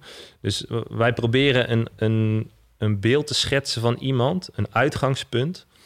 En daar gaan we mee aan de slag. En we zijn eigenlijk continu aan het monitoren, wat gebeurt er, wat gebeurt er, wat gebeurt er. Ja. En eh, afhankelijk van je doel stellen we bepaalde, bepaalde dingen bij. En, en dat doen we eh, door middel van trainingvoeding, revalidatie. Of Ja. trainingvoeding en supplementen, sorry. Ja. Hey eindbaas en luisteraar, dankjewel dat je zit te luisteren naar deze podcast. Ik onderbreek hem eventjes voor een hele belangrijke boodschap. Of misschien liever gezegd een uitnodiging. Want op 24, 25 en 26 mei dan is er weer een nieuwe editie van Ride of Passage. Dat is mijn retreat voor persoonlijke ontwikkeling. En speciaal voor de mensen die op zoek zijn naar, ja, naar, helderheid. Of dat ze lastig bij hun gevoel kunnen komen. Dat ze moeilijke beslissingen moeten maken. En dat ze zo ontzettend in hun hoofd zitten. Ja, dat ze er eigenlijk gewoon niet meer goed uitkomen. Of dat ze misschien al heel lang in een, ja, een soort van oud gevoel zitten. Dat ze dat gevoel willen transformeren. Of misschien wil je gewoon een oud stuk achter je laten. Ergens een punt achter zetten. En ja, zoek je misschien heling op iets wat, wat je te lang hebt weggeduwd of, of hebt vermeden. daarvoor wil ik je uitnodigen op 24, 25 en 26 mei om in een retreat mee te doen waar de inhoud van het programma geheim is. Waar de belofte is dat het oncomfortabel wordt. Want jij begrijpt als geen ander dat als je die volgende stap wilt maken, ja, dan zul je uit de comfortzone moeten komen. En ik garandeer je, laat mij dat proces begeleiden met jou voor drie dagen en je leven zal daarna nooit meer hetzelfde zijn. Gemiddeld beoordelen de deelnemers het met een 9,2. En daar ben ik ontzettend trots op. Er is ook een money back guarantee. Heb je de drie dagen vol, volbracht en vind je het niks, krijg je gewoon je geld terug. Dus het enige risico wat er is, is dat je gelukkiger kan worden. Ik zie je Bride of Passage. Ga naar wichertmeerman.nl en klik op Retreat. Uh, waar ik, uh, want de vorige keer was Bas hier ook, had hij het er ook even. Ik ben vervolgens dus wat gaan zoeken op uh, of dat PHP. Ja. Er zijn een aantal aanbieders. sommigen specialiseren zich daar helemaal op. En dan krijg je alweer een beetje de, de, de groep die zich helemaal op dat PHP richt. En daar, dat zijn een beetje de veganisten onder de, onder de personal trainers. Die allesomvattend daar, daarop zitten. Ja. Maar ik heb er vervolgens de voor- en tegens voor na zitten lezen. Wat mij persoonlijk um, triggerde om eens over na te denken was dat hormonen is echt is bijna ontastbaar. Het is op celniveau. En dat is heel erg moeilijk om dat uh, voor heel veel mensen al te begrijpen. Want ja, je hormonen, wat zijn je hormonen? Mhm. Nou, goed, die gieren door je lichaam heen. Elk ding dat op het moment als er een vrouw langs komt lopen, die lekker ruikt en dat sluit aan op jouw brein, uh, dat je meteen denkt van je hebt in een seconde. En dat is heel bijzonder dat we dat kunnen ervaren, weet je. En dat heeft ja, het blijft ook een heel vaak gebied hoor, want er is nog zoveel wat niet ontdekt is en Ja. dat soort dingen. Dus het blijft ook een hele, hele interessant vaag gebied. Ja. En, en bijvoorbeeld, ja, bijvoorbeeld een kleine zijsprong. Bijvoorbeeld, waar komt bijvoorbeeld, als iemand zijn, eh, zijn hart gebroken is door bijvoorbeeld liefdesverdriet of Ja. wat ik van ook. Ja. Waar komt het vandaan? Je weet het niet, weet je. En het is zo ontzettend intens. En niemand kan het nog een Het soort is van letterlijk afkicken. Liefdesverdriet is afkicken, afkicken van het liefdeshormoon. De, Ja. Er is iets waar jij eh, zeg maar genegenheid voor hebt. Dat genereert een bepaald hormoon. En op het Mhm. moment dat het uit je leven verdwijnt, kik je daar echt gewoon echt vanaf. Het is een fysieke aandoening. Het is niet alleen maar, oh ik voel me zo zielig en ik mis er. Nee, er, gaat, er gebeuren gewoon echt dingen in je hoofd. En er worden hormonen afgegeven. En die geven je dat gevoel. Maar ik vind het cool om dat te beseffen. Dat op, moet voor degene die volgende keer als je op straat loopt en inderdaad er komt iemand tegen waarmee je gelijk een soort van klik hebt waarvan je denkt van hé, hey, dan moet je eens beseffen dat je dat daadwerkelijk hebt. Weet je, en dat vind ik altijd grappig. Maar het is wel op zo'n danig ontastbaar niveau dat ik wel mijn twijfels kan durf te zetten bij, eh, bij, bij, bij hormoon, een hormoonprofiel. Door bijvoorbeeld, want jullie doen dat bijvoorbeeld door vetmeting. Dan denk ik van ja, ja, onder andere, wat- dat is een deeltje van. Oké, ja, ik ben daar niet genoeg op de hoogte van wat jullie precies doen. Maar ik, mijn eerste reactie zou dan zijn: ehm, eh, dan ga je iets eh, proberen tastbaar te maken, wat eigenlijk nog helemaal niet zo tastbaar is. Nee, dat klopt ja. Kijk, je, zelfs als je, als je bloedtesten doet, is het een heel erg momentopname. Ik kan jou, jouw mental state nu al beïnvloeden. Dus daarom zeg ik, het, het grijpt altijd op elkaar in. Waar wij weinig doen is met mentaal, maar misschien wel het belangrijkste. Als we zitten nu in een heel eh, mooi, chic, eh, gezellig hok, zeg maar. Maar ik, ik, Denigerend doen we van studio. Klaslokaal. ja, alles werkt ook deze keer. Nee, Nee, maar maar als hij, je, video, hij heeft een video wel opgenomen, dus ja, hou de schijf niet vol of zo. Nee, nou, dat was volgens mij. Nee, maar je, je kan je nu al, als jij, als jij, als jouw vrouw of vriendin nu belt van eh, mijn kleine ligt nu onder een vrachtwagen. Als ik nu al zeg, schrik je waarschijnlijk, krijg je al een reactie. Ja. Dus het is heel veel impact wat je mee doet. Kan het ook omdraaien en je vrouw belt op, we hebben loterij gewonnen. Dus het zijn heel erg, dat is het nadeel van eh, hormonen en mental state, dat het heel wisselend kan zijn. Ja. En ehm, dat is een van de redenen dat wij, kijk, als je kijkt naar de, naar de standaard eh, op, op ehm, en ook hoe de, de medische wetenschap hun onderzoek doen, is met name bloed en urine en, en, en anamnese, vragenlijsten. Ja. Een nadeel inderdaad van bloed is dat het een vrije momentopname is. Dus als, jij, als je net hebt gehoord, eh, mijn kind ligt onder een vrachtwagen, En we gaan dan testen. Dan zal je best wel pieken zien in bepaalde dingen. Het, de trend waarom wij gekozen hebben bijvoorbeeld voor een vetmeting... omdat dat meer een trend is. En eh, nou, om een mooi voorbeeld te geven qua hormonen en je lichaamssamenstelling. Nou, jullie zijn niet zo oud dat je dochters hebt van een jaar of 16, 15, 16. Misschien. Nee, maar, Misschien. Ik, heb, vri- ik, Ja, je weet nog niet. nee, maar ik heb vrienden die het wel hebben. Dus, Nee, dan, dan zie je vaak op het moment dat ze aan... Maar dat is ook weer niet iedereen. Dus het is geen vast schema. Als, als vrouwen of, of, of meisjes aan de pil gaan... dat ze vaak in de onderkant gaat groeien. En dat ze in één keer een shift zien in de lichaamssamenstelling. Ja. Nou, daar maken wij een beetje gebruik van. Mannen die in één keer veel eh, stress hebben... of wat dan ook, veel bier drinken... en eh, een probleem krijgen met testosteron... zie je dat ze vrouwenborsten krijgen. Oh, bodybuilders trouwens ook. Ja. Als bodybuilders eh, aan hormonen gaan, zie je dat het lichaam ook gaat veranderen. Dus wij, wij maken gebruik van eh, waar het lichaam een beetje vet verdeelt. En dat, dat doen ze al, al jaren. Zijn er eh, ehm, wat trends in, onder andere Charles Poliquin. Maar in, in België had je, en of in Frankrijk zelfs, een dokter die doet volgens mij al sinds de jaren 70. Die heeft daar een, een, een idee voor hoe dat... hoe die shift eh dus wat je zegt is op basis van waar het vet zich ophoopt... kun je iets zeggen over welk hormoon iets aan het doen Nou, dan, dan zou je een indicatie kunnen krijgen ja, tot. ja, ja, ja. En ehm, je hebt, eh, weet je, eh, in applied kinesiologie en dat soort dingen, daar maken ze daar wel gebruik van. Dat, dat shift in het lichaam. Maar we herkennen het allemaal, dat het lichaam kan shiften, vooral als je aan de medicijnen zit. Dus wij maken gebruik van, en dat komt er altijd bij, van een anamnese. En je anamnese, jouw vragen, die kunnen een richting geven met hoe je eruit ziet. Ja. En dan doen we een aanname en we gaan kijken als we op die aanname werken of dat effect voor jou heeft. En wat ze met name functionele geneeskunde, functional medicine in Amerika heel erg, eh, heel erg trend. En daar hebben wij heel veel ideeën van ingestopt, maar dan in een soort wat, ehm, wa- wat, wat simpelere versie. Is daar, als jij daar bij zo'n arts komt, krijg je een hormonal panel. Dat kost je ongeveer eh, 800, 900 dollar. Dan gaan ze heel je hormoonhuishouding. Maar die weten ook dat is een trend. Dus wat gaan ze dan nog kijken? Ze kunnen, eh, kunnen naar je lichaamsbouw kijken. Kijken ze naar peer of appel of dat soort dingen. Ja. Krijgen ze wat overdreven. En je krijgt ongeveer 400 vragen. En aan de hand van die 400 vragen, je hormonal panel en ehm, het vraaggesprek op zich... dan krijgen ze een idee van, joh, welke kant ik jou op moet brengen... om weer richting jouw balans te komen. Ja, wat heet balans? En eh, dat is een beetje wat wij verwerkt hebben in het systeem. Maar wil je een compleet, compleet plaatje, hoort er inderdaad het mentale bij. En dat zie je, dat is niet echt wat, dat heb je misschien bij ons gemerkt in de opleiding, dat is niet echt ons ding. Wij doen het wel stiekem, dus wij zeggen, ja, oké, je doet het zo of je doet het niet. Nou, dan krijg je gelijk een shift. En je hoeft het van mij te niet te doen. Dus als mensen twijfelen, hey, als je twijfelt, moet je het vooral niet doen. Ja. Daardoor krijgen we eigenlijk al een mentale shift. En dat is wel absoluut belangrijk wat erbij hoort. Ja. En dat totaalplaatje, eh, ja, dat zorgt ervoor dat wij een inschatting kunnen krijgen wie je bent, wat je doet.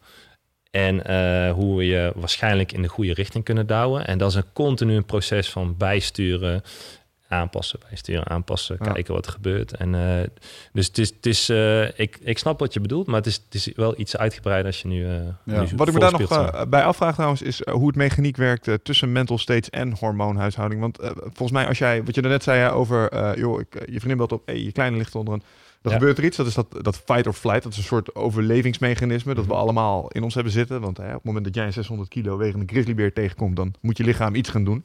Anders word je opgegeten. En- op de grond gaan liggen in één ja, b- dat ligt aan welk type beer het is. Nou, sommige ja. eten je levend op en eh, bij anderen moet je blijven staan. En, eh, Ik zag pas geleden eh, dat zo'n eh, zwarte beer, die rent bijna de boom in. Dus ja, ja, je bent in de ook niet veilig. Nee, als je als vrouw ongesteld bent, ben je sowieso de lul.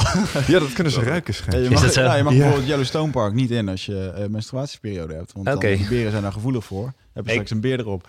Ik begrijp Oei. de beste remedie is als je harder... Je kan het beste met een collega gaan als je harder kan rennen als je collega. Ja. Ja, dat is het toch wel. Altijd fit te Dus zijn. rennen kan wel zin hebben. Ja, maar die fight or flights die, eh, die doen dus ook iets met je hormoonhuishouding. En dat zit met name in het, eh, in het stukje cortisol eh, dat erbij komt. En ehm, met name werkstress. Dus eh, stress waar onze ICT-vrienden of eh, andere mensen die op kantoorbanen zitten, die worden dus constant in door dingen die niet echt gebeuren. Er lopen natuurlijk geen tijgers over je werkvloer. Maar je komt wel in een emotionele spanning heel vaak door deadlines, moeilijke gesprekken of wat dan ook. Mhm. Dus dat cortisol zit vaak in je systeem. Eh, cortisol wordt in dat opzicht dan nog wel eens een beetje neergezet als de grote boosdoener. Nee, maar alles draait om... Cortisol is, is, is nodig. Het is... eh, je- daarom, daarom noem het, eh, je moet altijd een balans, ja, letterlijk balans hebben in je leven. Dus Mhm. je hebt alles nodig. Dus niks is goed, is niks slecht. Insuline kan heel goed zijn, kan ook slecht zijn. Ja, als het te veel is. En eh, ja, dus met cortisol ook. En wa- wat je vaak ziet, is dat je eh, als je eenmaal in een vicieuze cirkel komt, door onder andere stress en dat dan ook. Mm. En als de stress er weg is, dat kan ook nawerk zijn, dat je er dan niet meer uitkomt. Ja. En eh, dus dan, dan wil je wel mentaal, maar dan kan je het niet meer. En eh, d- ja, dus, dit, dus er zijn heel veel insteken. Je, alles staat niet los, zeg maar. Dus er staan heel veel insteken hoe je dat zou moeten aanpakken. En bij zo'n zo'n eh, ehm, ICT'er op zijn werk, ja, dan, dan zou je ervoor... Eigenlijk zou je dan de stress moeten verminderen, maar dat kan niet altijd. Ja, ja, een stukje sport introduceren. Je zou eigenlijk zeggen dat een additionele opleiding op jullie opleiding een stukje psychologie zou kunnen zijn. Ja, dat zeggen we ook heel vaak. Alleen weet je wat, wat ik vaak zie? Ik heb, eh, weet je, tegenwoordig als je niks kan, dan word je personal trainer of lifestyle coach. Weet je, want je, je hebt, je hebt, nou ja, het is toch weer lachen, maar het is wel zo. Let op hoeveel lifestyle coaches en, Ja, en ja, personal trainers zijn. Oké, vind je, het schrikbarend af en toe wat ik op Facebook voorbij zie komen. En dan ook de kwaliteit van de dingen die ze aanbevelen. En dan vooral als er... nou, je weet je, kijk, het is, een beetje, eh, ik moet het wel nuanceren, maar als je kijkt, de, de meeste mensen die dat doen, die hebben ja, bijna geen opleiding. Je hoeft ook geen opleiding te hebben. Dat zie ik ook als fysiotherapeut. De grap is, wat wij zien bijvoorbeeld met Milo Jennings, heb- ben ik vier jaar naar school geweest en nog veel dingen gedaan. Mhm. En dat sommigen geen, we hebben een betonvlechters, stratenmakers. En die kunnen na een paar dagen meer als ik als originele fysiotherapeut. Dus opleiding zegt natuurlijk ook niks. Maar, maar het gaat meer om het resultaat. En als ik zie, als jij eh, gemiddeld trainer vraagt vijf tientjes... of de, of de life coach vaak eh, 80 euro per uur... Ja, dus ik noem mezelf life coach en ik ga beginnen... en ik kan gelijk 50 euro per uur of 80 euro per uur vragen. Nou, er zijn bij, weinig banen waar mensen dat verdienen. Ja. Dus je ziet dat het heel erg in opkomst op. En voor heel veel mensen is een bepaalde life coach ook wel goed. Alleen ik zie vaak met dat mentale is dat het in mijn ogen een mooi voorbeeld is. Is een coach is iemand die je verder helpt.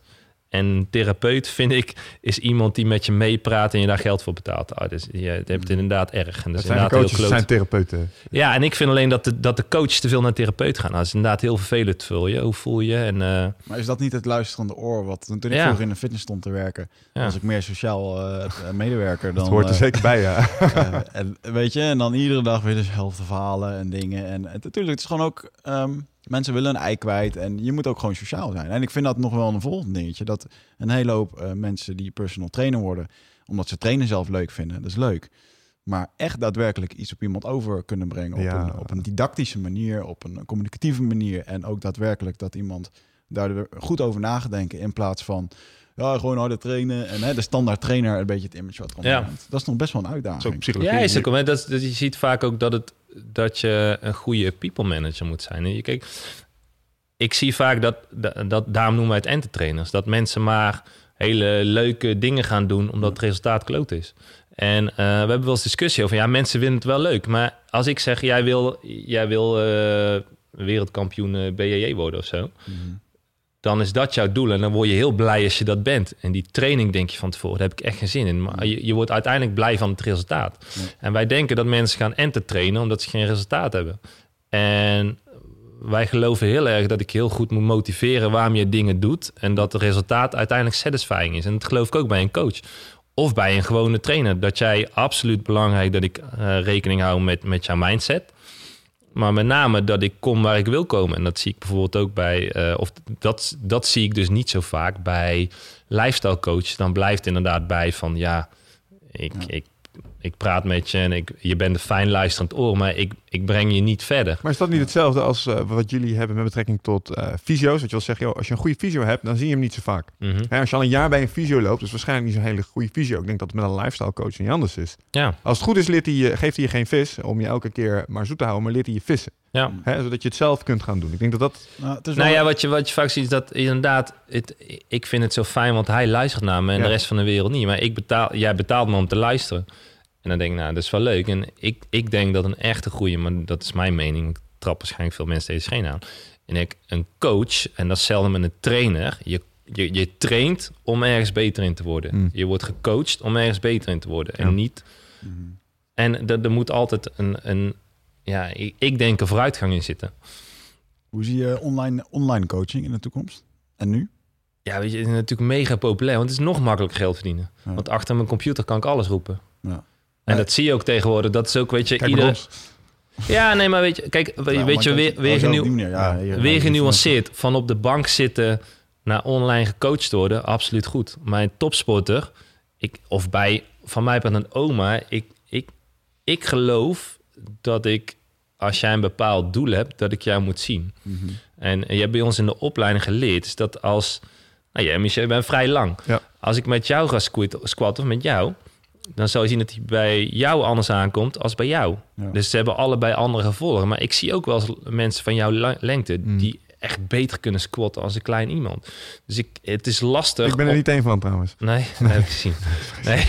Dus je, ik, je kan gedeeltelijk online coaching doen, maar ik, ik geloof persoonlijk dat ik, dat ik je moet zien. Want ik Ja. kan pas zien wat er gebeurt en daar moet ik op inspelen. Ja. Dus, eh, dus ik geloof altijd wel in contactmomenten. Mhm. Ja, het is natuurlijk de commercie die het heel erg makkelijk maakt. Ja, maar dat is overal, overal waar geld in omgaat, Ja. wordt gesjoemeld. Kijk naar, jullie doen ook wat met supplementen en dat soort dingen. Er wordt zoveel gesjoemeld waar geld in omgaat. Ik heb, ik heb mensen gezien die achter internet mega succesvol zijn. Die hebben echt geen pepernoot verstand van trainen, zijn zelf veel te dik, Nee. maar die zijn enorm goed commercieel. Dus die kunnen roepen, die plakken een keer een onderzoek onder wat toch niemand leest. En dan als er veel onder zit, die zijn commercieel heel slim. Ja. En er is ook aan de ene kant niks mis mee. Aan de andere kant, zolang je resultaat levert, geen probleem. Maar mensen, dat zien we ook vaak. Mensen worden vaak door eh, online heel erg onzeker. En het enige wat, wat wij het zeggen, weet je, even niemand geloven. Want mensen raken verwacht. Je had het straks over de een zegt dit, de ander zegt dan Ja, trainen. Ja, ja, heel herkenbaar. Daarom zeggen wij, onze insteek is, geloof ons niet, geloof die ander niet. Je komt hier voor een bepaald doelresultaat. Ja. Ben je die richting op aan het bewegen? Als dat zo is, dan ben je blijkbaar op de goede weg. En omdat komt door iets wat niemand gelooft en wat nog niemand anders ooit gedaan heeft, maar jij gaat ermee de goede richting op, Ja. Dan denk ik dat werkt perfect. Ik heb ooit een klant gehad die met, met, eh, met, met rugklachten. En die had eh, een hernia en eh, was bij Defensie nog. En die kon mij last van mijn rug. Dus we gaan met hem relatief zwaar trainen. En uiteindelijk na zoveel weken deadliften die voor hem iets van 100 nog wat kilo. Nou, van niks naar 100 nog wat kilo was best wel veel. Was bij iemand anders geweest, of bij iemand anders, was bij de orthopeed geweest, bij de neuroloog. En die zegt, echt wat jij doet, echt, dat is echt slecht, is gevaarlijk, weet je wel, dat is niet goed voor je rug en bla bla. Dus die komt bij mij helemaal in paniek. En eh, ik zei, weet je, denk nou eens zelf na. Dat is ook proberen wat we continu proberen. Denk nou na. Jij zegt, jij komt bij mij, je hebt veel last, je kan niks. Je bent gaan trainen, je kan meer dan je kon en je hebt minder pijn. En die persoon zegt dat wat je doet slecht is voor dat. Dus niet naar mij luisteren, niet naar die persoon luisteren, maar denk nou eens met je boerenverstand. Ja, ja, het gaat eigenlijk wel beter, dus het zal op dit moment wel goed zijn. En dat, dat, ja, dat is een beetje wat er allemaal heerst. Iedereen roept allemaal van, oh, dat is goed, dat is goed. Mm. En wij vinden dat je meer gewoon zelf naar je lichaam moet gaan luisteren. Om meer Dat wat is niet één waarheid en je moet het ook gewoon... Nee, proberen. dat is ook. Dat, Ja, er is zal dat- nooit één waarheid komen. En Is het- degene die dat roept, ja, die de denken, dingen waar ik tien jaar geleden eigenlijk voor viel in sport, voor, eh, voor dieet of dingen. Het is natuurlijk wel gewoon heel de leercurve die je nu gewoon hebt. En nu, nu wat ik nu doe, werkt nu. En ja, goed, dat, eh, straks vind ik wel weer iets anders waar ik enthousiast van word. Want dat is inderdaad ook, ben ik ook wel eens gevoelig voor. Dat ik gewoon in één keer weer iets zie op internet. En dat ik dan mijn trainer opbel van, hey, ik heb dit gezien, we moeten dit doen. En eh, dan zie ik hem alweer. Oh. Ja, maar is dat niet... En dan... En, Ik las daar eens een keer iets over en dat, zijn, eh, dat is een mooie uitspraak. Er zijn miljoenen methodes, eh, Mm. maar er zijn slechts enkele principes. Het zijn allemaal volgens mij variaties op zelfde, zeg maar, dingen die erachter liggen. Hè, die al meerdere malen zijn ontdekt. Bijvoorbeeld eh, paleo versus eh, low carb versus slow carb. Het is allemaal hetzelfde principe wat het aanspreekt. Alleen we geven er een ander labeltje aan steeds, volgens mij. Nou, het hangt een beetje af van of het nou voor jou juist is waar jij vandaan komt, met welk doel.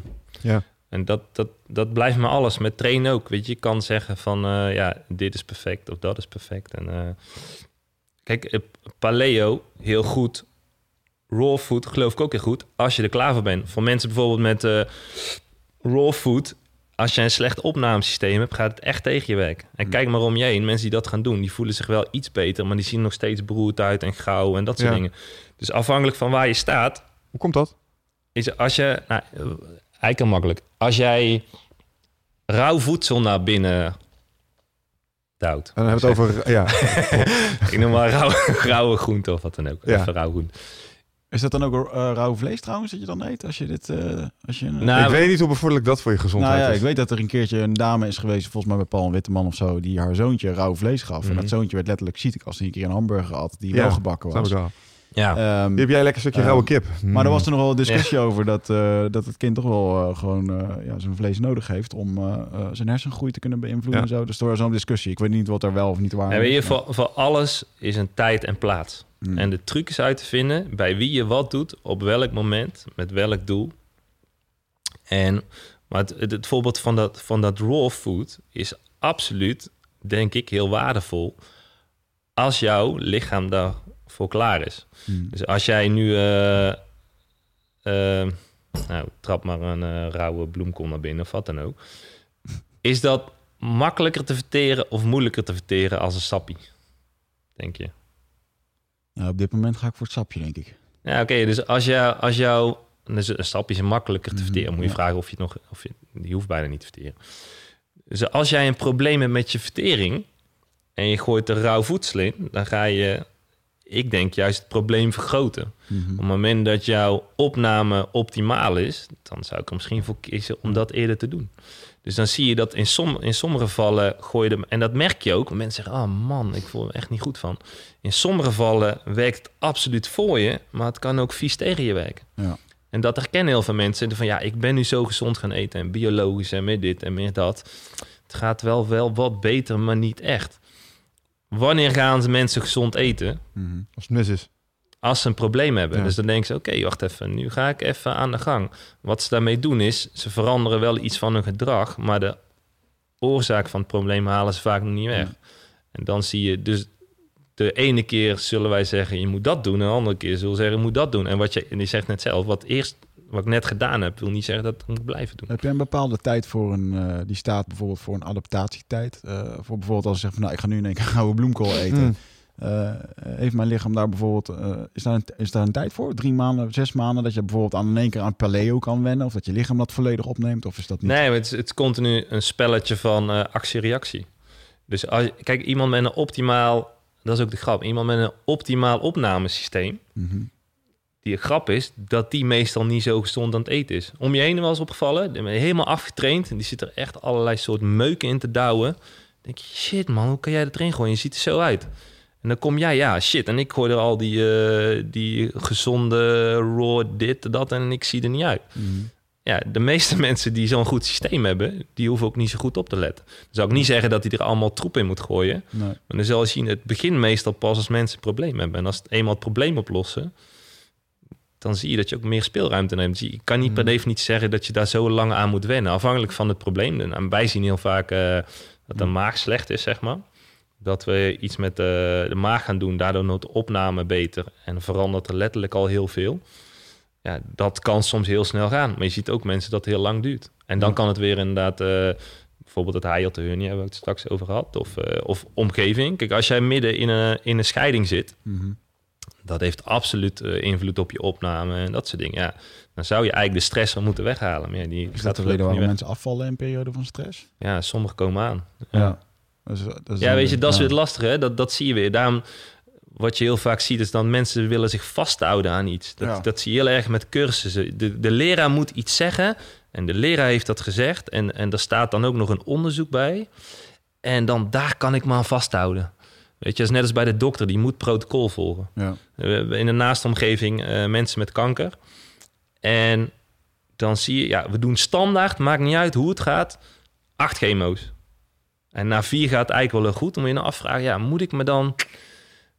Moet ik het lichaam nog verder verzwakken? Dat is protocol. Maar ja, daar hou ik me vast. Begeleid jij wel eens mensen met kanker of niet? Nou, begeleiden vind ik gevaarlijk woord. Maar ik heb in mijn Ja. naaste omgeving gehad. En, Bied eh, jij hulp aan mensen die eh in nou, traject zitten? de, ik, ik zeg altijd, als ik het was, Mhm. zou ik het zo doen. Ja. En dus eh, het is een heel, heel gevaarlijk gebied. Ja. En, en wij zien wel dat je met voeding eh, heel veel positieve invloed kan hebben. En er zijn ook een aantal hele interessante eh, onderzoeken geweest... Waar, als je het leest dat je eigenlijk bang wordt dat het niet gebruikt. Waaronder uh, magnesium. Ze hebben, ik geloof, over een periode van volgens mij 16 jaar... 4000 man gevolgd. En dat in de groep met de hoogste magnesium levels, dat 50% minder Ja. kanker en dat soort Ja, dingen. dat heb ik ook inderdaad wel En- gelezen. dat eh, Ja. magnesium een behoorlijke kanker eh Oh, is. En wat een hele mooie is, en eh, dat is alleen maar een, eh, een inzicht. Als je gaat googlen op IP6, inositol hexafosfaat, komt uit rijst geloof ik. Mhm. Dat, dat, een, een, dat er wel eens wat research is geweest dat dat een positieve invloed kan hebben bij onder andere eh, borstkanker en prostaatkanker. Ja. En dus het enige wat ik zeg van, joh, ga daar eens wat over lezen. Want het, het is, het is zo'n vaag en, en gevaarlijk gebied. Dus Ja, wat, Typisch dat je dat zegt. Ik, eh, ik herken het. Ik heb ook mensen in mijn omgeving nu waar mensen eh, te maken krijgen met darmkanker. En dan weet ik Mhm. bijvoorbeeld de CBD-olie en dat soort dingen. Het zijn ook dingen, daar wordt dan van gezegd. Het is hennepolie, daar wordt dan van gezegd dat heeft ook kankerremmende werking en dat Ja. soort dingen. Maar het is inderdaad dun en glad ijs op het moment dat je dat als eh, zeg maar ehm, de redding gaat uh, positioneren. Zeg joh, Google erop, Ja. vorm je eigen mening. En als je denkt dat het iets is, weet je, laat het maar weten. Maar ja, net wat je zegt, het is een terminale ziekte. Dus eh, ja, ik wil mensen ook niet onterecht eh, hoop geven wat dan dingen. Maar ik kan me best wel voorstellen dat voeding daarbij hele grote invloed heeft. Ehm, ja, je, bij Ba- Braziliaans Jiu-Jitsu heb je het zogenaamde Gracie dieet. En eh, die mensen die, eh, die zeggen dus ook van... joh, ehm, hun oudste, zeg maar, godfather, die is 90 jaar geworden of dergelijke. En op die leeftijd was hij nog steeds aan het rollen... en vouwt hij nog steeds zijn Ja. zoon op en dat soort dingen. En zij zeggen, het belangrijkste daarbij was onze voeding. Hè, dat, dat voorkomt ook echt, nou ja, enge ziektes op later termijn. En dat zit er met name in bijvoorbeeld het vermijden van suikers en dat soort dingen. Want als jij aan mensen hun voeding zou gaan beginnen... als je zegt, hè, als ik het zou zijn, zou ik het zo doen. Wat is dan precies wat jij zou doen? Nou, waar ik in geloof is, is in, in de kracht van je lichaam zelf. Als je vaak ziet hoe... Ik verbaas me hoe sterk en weerbaar een lichaam is. Als je Mm. kijkt naar mensen met echt, echt dikke obesitas... dan is het eigenlijk knap hoe een lichaam nog kan functioneren. Als je kijkt hoe lichamen ja, kapot bestraald worden... of dat soort dingen, hoe sterk een lichaam is. Dus Mm. Ik geloof altijd dat, ik, dat je...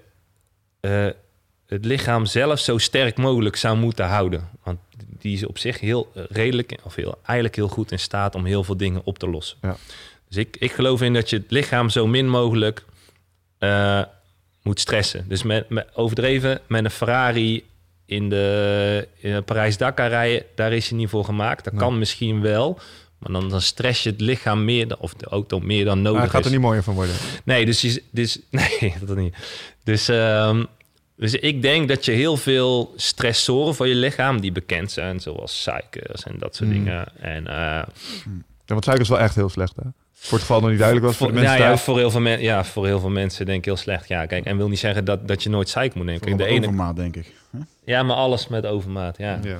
En als je bijvoorbeeld ziet hoeveel impact bijvoorbeeld, eh, nou wat ik net zei, straks het voorbeeld met die Amerikaanse of die Canadese mariniers, hoeveel impact dat al op je systeem kan hebben door fysieke training in dat Mm. geval of stress.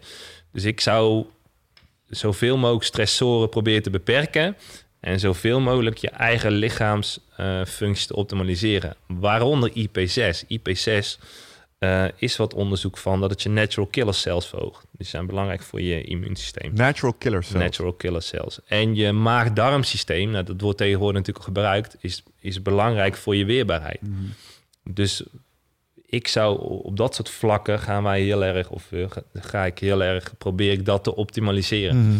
En ehm, ja, dus dan. Hoe zou je dat bijvoorbeeld doen? Bijvoorbeeld dat, eh, dat, eh, dat lastige eh, molecuul waar je het net over had. Of dat, dat zit in rijst, dus je zou meer rijst gaan eten. Vertaal ik hem dan goed? Nee, nee, nee. Je, je hebt. Of je haalt een extract? Of weet je, ja, ik heb wel eens eh, eh, een ex-vriendin van mij die heeft baarmoederkanker gehad. Oké. En ehm, ja, die kan je enorm goed helpen met voeding. En die ging gewoon reguleren, was eh, stralingstherapie en Ja. hyperthermie. Dat doen ze tegenwoordig steeds meer. Het is echt het verhitten. Kankercellen kunnen heel slecht tegen hitte. Hmm. Ehm, dus dan, dan ga je... Zo- ze dan echt je lichaam op? Moet ik het zo ja, zien? ze vooral tot echt boven de 40 graden. Dus Hoe je, je ligt letterlijk in een magnetron. Lokaal doen ze dat toch? Ja, lokaal. Dus je ligt echt met je, in dit geval met je bekken in een magnetron. En in, ligt in een ruimte met, eh, was nog vrij nieuw in, eh, in Rotterdam, doen ze dat. En eh, je ligt letterlijk met je bek in een soort magnetron en je wordt verhit tot boven de 40 graden, geloof ik, 41, 42. Denk ik nu dan terecht dat sauna's daarom ook gezond voor je zouden Nou, kunnen de- er is, wat, er is wat discussie over, eh, ehm, hoe heet dat, eh near-infrared sauna, Ja. vertalen we niet. Ja. En omdat die verhitting van binnenuit komt, nou, ze zien wat positieve effecten op je immuunsysteem en dat soort dingen. Nou kijk, op het moment dat ik hoor, mijn immuunsysteem wordt positief beïnvloed, lijkt me dat wel interessant, omdat je, ja, je, je lichaams eigen immuunsysteem is enorm sterk natuurlijk, behalve als we het kapot maken. Dus als het, ja, ik, ik, ik kies er altijd voor om die kant op te gaan, om, om dat proberen zo goed mogelijk te behouden. Ja. En de medische, weet je, westerse wetenschap is absoluut heel, heel goed in acute dingen. En ik denk alleen dat ze het, het vaak laten liggen op chronische dingen. Dat, je daar, eh, dat, dat daar nog veel te halen valt. Maar bij, bij kanker is dat een eh, hele... Ja, zou dat wel een, een goede insteek zijn, denk ik... om je, om je lichaams eigen systemen proberen optimaal te houden. Oké. Ook wel een mentaal dingetje hoor. Als je in één keer, Ah, absoluut. eh, in één keer dat krijgt te horen. Ik weet nog dat mijn ex-vriendin op een gegeven moment eh, te horen kreeg dat ze een, eh, een tumor had achter de, Ja. op de thymus. Achter de longen. Ja. En dan kom je in één keer thuis en dan wordt dat even verteld. Want het is dan door de telefoon verteld eh, door zo'n ziekenhuis. Ja man, dan is echt eh, dat is weer zo'n moment dat je in één keer beseft dat het... eh, en het stom is, dan ga je heel die riedel door. Zit je zes uur te wachten op een operatie die eigenlijk drie uur zou duren. En dan, Ja. eh, dan gaat de tijd erg langzaam. Ja. En vervolgens ben je drie weken verder en dan is het soort van goed afgelopen. Dan ben je het eigenlijk al heel snel vergeten. Ja. Maar op dat moment dat je erin zit en je bent aan het wachten op die uitslag. Dat is ook waarom in... Ik kom uit de medische diagnostiek. Altijd met ICT eh, primaire processen eh, zeg maar ondersteund. En ehm, daar zit men heel erg inderdaad op spoeddiagnostiek. Omdat die wachttijd van een aantal weken op je uitslag... is gewoon slecht voor je gezondheid. Ja. Want je zit in de stress. En dat brengt mensen, zeg maar, die drie weken zijn eh, wachtende op de uitslag. is soms nog wel slopender als het hele verhaal wat erachter komt. Omdat Ja. je het niet weet. Ja. En daarom proberen ze tegenwoordig met allerlei slimme dingen. Zo'n, ehm, op het moment dat ze het concluderen, dan moet je één dag naar het ziekenhuis. Wel de hele dag. Ehm, maar dan weet je aan het eind van de dag weet je wel hoe of wat. Hmm. En dat Ja. alleen al schijnt gewoon voordelen te hebben voor je eh, herstel en je genezing daarna. Want de, de hoeveelheid ja, stress inderdaad die dat met zich meebrengt en de belasting op je systeem daarmee, die is echt fenomenaal. Dat is ook niet Ja. gek, want je staat in één keer oog in oog met de dood. Want dat is vaak wel wat mensen doen als ze eh, horen dat ze eh, kanker. Dan is het eerst, oh shit, ik ga Ja. eraan. En waarschijnlijk niet op een hele prettige manier. Want, Ja. Dus eh, dat kan ik me is ook, eh, voorstellen. Ja, het, je ziet, ik, ik geloof, ik heb ooit eens een onderzoek gelezen dat ze dossiers verwisselden. En dat eh, allebei eh, meneer Jansen. En de een had longontsteking en de ander had longkanker. En Ja. die eten echt allebei, ik noem wat Jansen, maar het was echt allebei. En die werden verwisseld, diagnose werd verwisseld. En die ene bleek dus in plaats van een, een simpele, tussen longontsteking, longkanker te hebben en de andere niet. En dat die ene was binnen een paar maanden dood en die andere die heeft het overleefd. Ja. En dan kwamen ze erachter van, hé, hey, dat klopt niet. Hmm. Dus het is echt... eh, Placebo en nocebo. Want placebo, dat is de goede kant op. Als jij Ja. een suikertablet krijgt en je denkt dat het eh, eh, iets anders is, dan heeft dat een uitwerking op je. Ja. Als jij denkt dat je een ziekte hebt en je gelooft dat echt, dan ga je die symptomen ook Ja. krijgen. En dat vind ik echt aan de ene kant, ehm, het voelt logisch, maar aan de andere kant is het ook creepy. Je kunt jezelf dus dood denken. Ja, ja. Maar dat is toch ook vaak bij oudere eh, mensen waarbij, eh, die lang met elkaar hebben geleefd, waarbij de een overlijdt, dat je vaak ziet dat de ander Ja. er Ja. Gewoon gezin mee heeft. eh, overleed. ja, als je zo gaat bekijken, is, is echt je, je mindset het, het belangrijkste bij alles. Ja, ik heb er wel eens met een holistisch wetenschapper over gesproken. Over de term ziekenhuis. Dat dat überhaupt al. Hè? Zeker in het Duits een krankenhuis. Dan, eh, Ja. Het is een verschrikkelijke term. Weet je wel. Geneeshuis Want klinkt Maak beter. het gewoon een, eh, een beterheids... eh, weet ik veel. eh, gezondheidscentrum of zo. Dat klinkt al veel beter dan... eh, Ja, maar alles is goed. Ik, ik, je ziet heel veel, ook tegenwoordig, mensen gaan zich heel erg afzetten tegen de medische wetenschap. Hmm. Weet je, de echte gezondheidsfreaks. Maar je, het heeft ook heel veel blessings. Hè? Weet je, als jij, als jij hier eh, onder een auto komt, is echt niks beters dan westerse geneeskunde. Weet je, dan kan je Ja. gaan mediteren en eh, kruiden erop gooien. Ja. Weet je, dus je moet ook de. Ja, ja weet je, ik, ik was toen. eh, ben toen, toen veel in het ziekenhuis geweest met haar, ook met, met kanker. En die. Dat, wat dat betreft geniaal. En, en toen was er ook al een arts die zegt van ja, weet je. Voeding, ik zie wel goede dingen. We hebben niet, niet de onderbouwing daarvoor. Hoewel ik denk, eh, dat zegt Bas altijd mooi, dat niet bewezen is, is vaak dan hij heeft het niet gelezen, want er is wel veel. Maar Ja. die was heel open en, en dan zie je dat dat, dat, dat ja, absoluut heel goed samengaat, denk ik. Een goede arts is goud. Eentje die... eh, Ja, alleen het goed een sluit het ander niet uit. Je ziet heel vaak dat mensen heel star zijn, waar we het straks een beetje hadden over.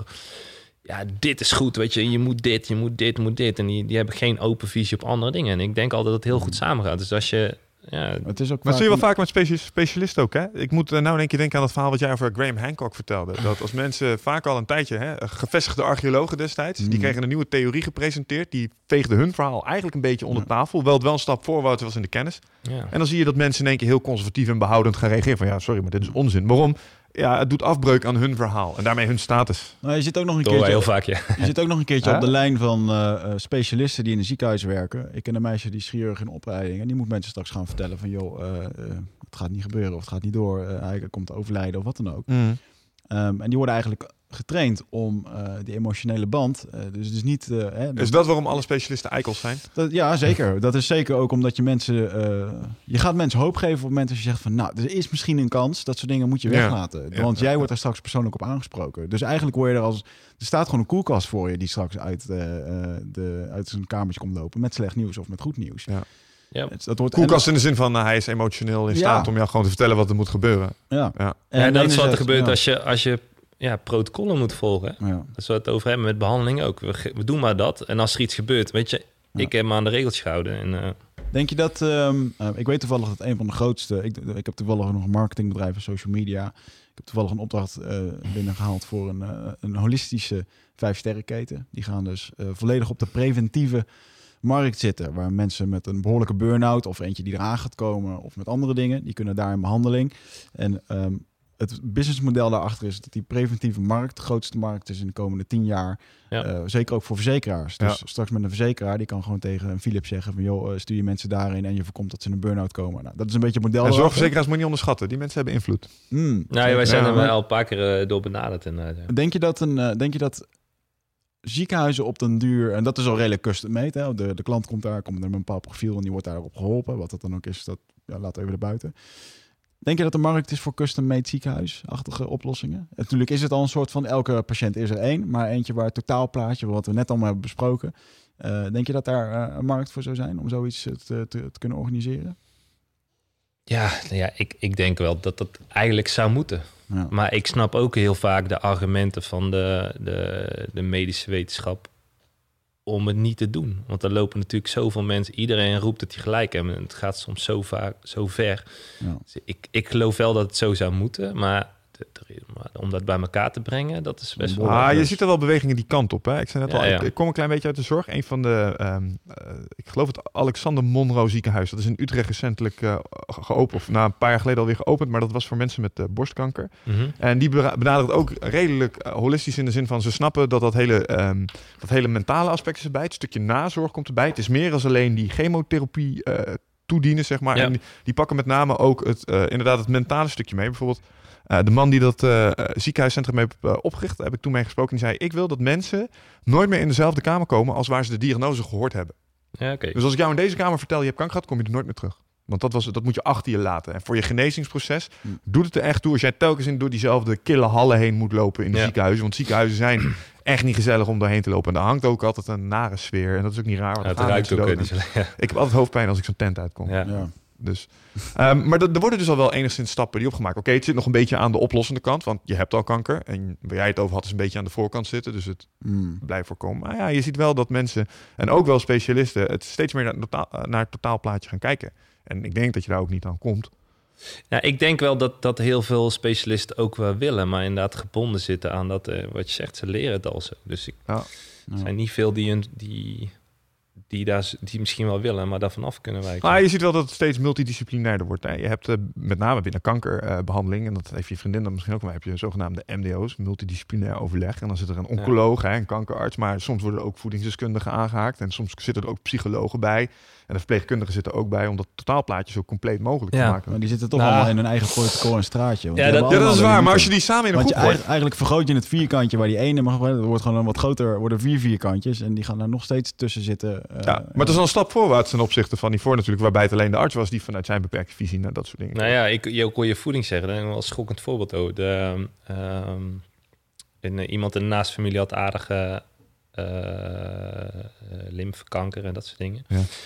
En die was het alternatief circuit. Dat ging het op zich wel goed. Kreeg wel wat complicaties. Komt eh, weer in het gewone circuit. fysiek natuurlijk al aardig wat ingekrompen. En ehm, die moest wat aankomen. En de grap was dat letterlijk stond een papier. Was in eh, een, be- een beetje, was het oosten van het land. En ehm, Deze kant op dus. ja, iets minder ver. En wat in dat ziekenhuis werd aangeraden, want eh, hij moest wat aankomen. Nou, je zal nooit raaien wat erop stond. Is eh, Pizza? eh, eh, bossenbollen, snickers. eh, en dat stond echt zwart op wit. En dan zeg je, ja, maar... En als je gaat kijken, er is, is, is best wel veel onderzoek... als je het wil vinden, over suikers en Mm. kankercellen. Ja. En daar werd dat gewoon gegeven. En de behandelend arts, die... Ja, ik denk, ja, maar ja, kom je een beetje van aan. Maar weet je, wat het is? We bestralen toch alles kapot. En dan denk ik, ja, dat, dat vind ik wel een apart iets. Van, weet je, je- ja, we bestralen het kapot, snap ik wel. Maar dan in dat soort situaties denk je... je kan de, de stress op het lichaam, de impact op het lichaam verminderen... Ja. door dat soort dingen te laten, zeg maar. Maar dan zie je toch dat er op bepaalde gebieden... want ik hoor je voeding zeggen... en denk, nou, dat is toch best wel, vind ik, schokkend om te horen, weet je. Ja. Ja. En eh, ja, dus dat... dat en, maar de- ik heb het gezien... eh, in, eh, dat is ook wel een gespecialiseerd ziekenhuis, Daniel de Hoed in Rotterdam. Die hebben echt wel meer zo'n multidisciplinair iets. Ja. Mm. Maar ik geloof ook weer niet dat je, dat heb ik toen ook een beetje meegemaakt, dat je bijna standaard in een protocol wordt gedouwd. Ja, je moet even met die persoon gaan praten of... eh, en dan zie ik dat sommige mensen beginnen, ja, wel kloten voor je. Hè? Ja, kloten voor je, wacht even. hè. Ja, als jij daarover wil praten, niet. Maar ik vind ook niet dat je erin ge- Mm. gedwongen moet worden, zeg maar. Ja. Helder. Dus het is ja, per persoon weer eh, verschillend, ja. Is weer die, fysiotherape- die oude fysiotherapeut die gewoon in zijn stramien op de automatische piloot de zoveelste patiënt ziet en zijn ding Ja, ik snap het wel, want als je, als je dan moet je kijken, ik, ik ben... Ik vind het knap trouwens dat mensen ermee kunnen werken, want je zit continu in de problemen van iemand anders. En dat is echt Nou zwaar werk. Ja, nou ja, dat, dat was eh, mentale, vond ik het zwaar. Ik heb Niet, nooit... eh, sorry hoor, niet, even, eh, niet het Nee. fysiotherapeut gebied, want dat vind ik dan uh, de lichte zijde. Maar dan ben ik meer aan de helpende hand. Maar op het moment dat je echt werkt met mensen die bijvoorbeeld ja, eh, continu bij je komen die kanker hebben. Ja, Tuurlijk zal er ook wel het, eh, het beloningsgevoel zitten. Kan niet anders dan tussen je oren gaan zitten. Nou, maar ja, de beloon, het beloningsgevoel van mensen die er wel goed uitkomen. En gelukkig is dat nog steeds het merendeel. Want we doen eh, nu alsof iedereen er aan dood gaat. Maar ehm, continu mensen die in de put zitten, depressief zijn. En je moet dan dat verhaaltje houden. Ja. Ja.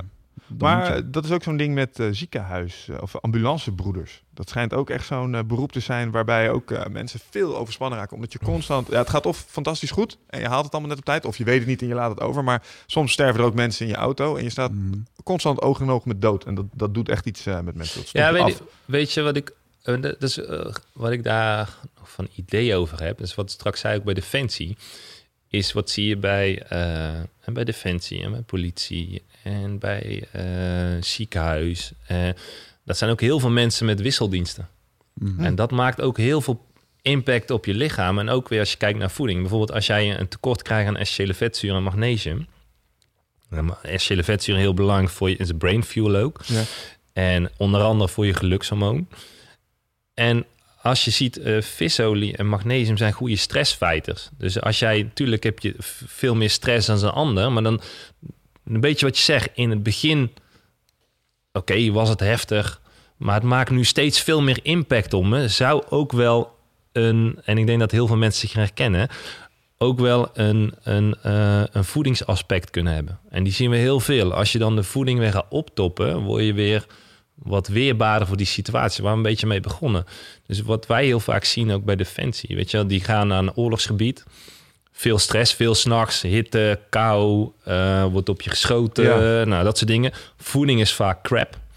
En dan zie je, komen ze terug en dan komen ze terug. Zijn Is dat ze echt zo? Heeft Defensie niet in de gaten dat het een goed idee is om je troepen te voorzien van... Of is gewoon niet anders daar, omdat er niks aangeleverd kan worden? Nee, maar je ziet ook qua... Het, het- het gebeurt wel, maar ze komen ook tekort. Dus als jij, Ja. als jij in het veld zit of in een situatie... Ja, of, zo, oké, weet je, ja. Dus je loopt in de loop der jaren... kom je tekorten tegen. Zie je bij arrestatieteams, die blijven gewoon in Nederland. Maar door Hmm. wisseldiensten, Het dat maakt veel impact op je. Het is inderdaad gewoon continu. Nou, Ja, en het bouwt ja. op. En, dus dan en dat is ook letterlijk, en me- mensen herkennen het allemaal, weet je. Een paar jaar geleden toen ik mee begon, had het niet zoveel impact als nu. Van weet je, ik zal wel weken, letterlijk worden ze bijna wat weken.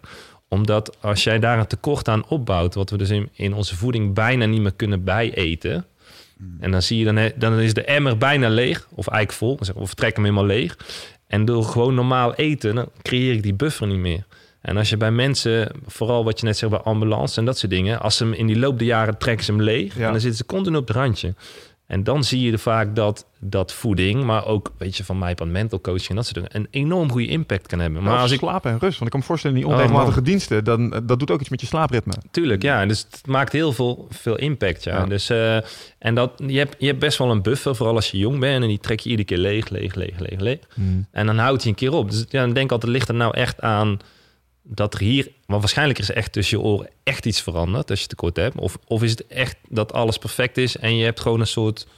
Mental blok of zo. Ja, Ja. dat kan ook. Maar je- de grap is dat, dat, dat, dat wij vaak zien, en we hebben veel meegemaakt, is dat je als mensen dan de voeding gaan volgen en wij kiezen ervoor om dan bij de meeste mensen het systeem tot rust te brengen door eh, wat principes die we gebruiken, maar ook weer niet bij iedereen. Want dat denken mensen wat PHP, je moet altijd voeding scheiden. Nee, dat is niet waar.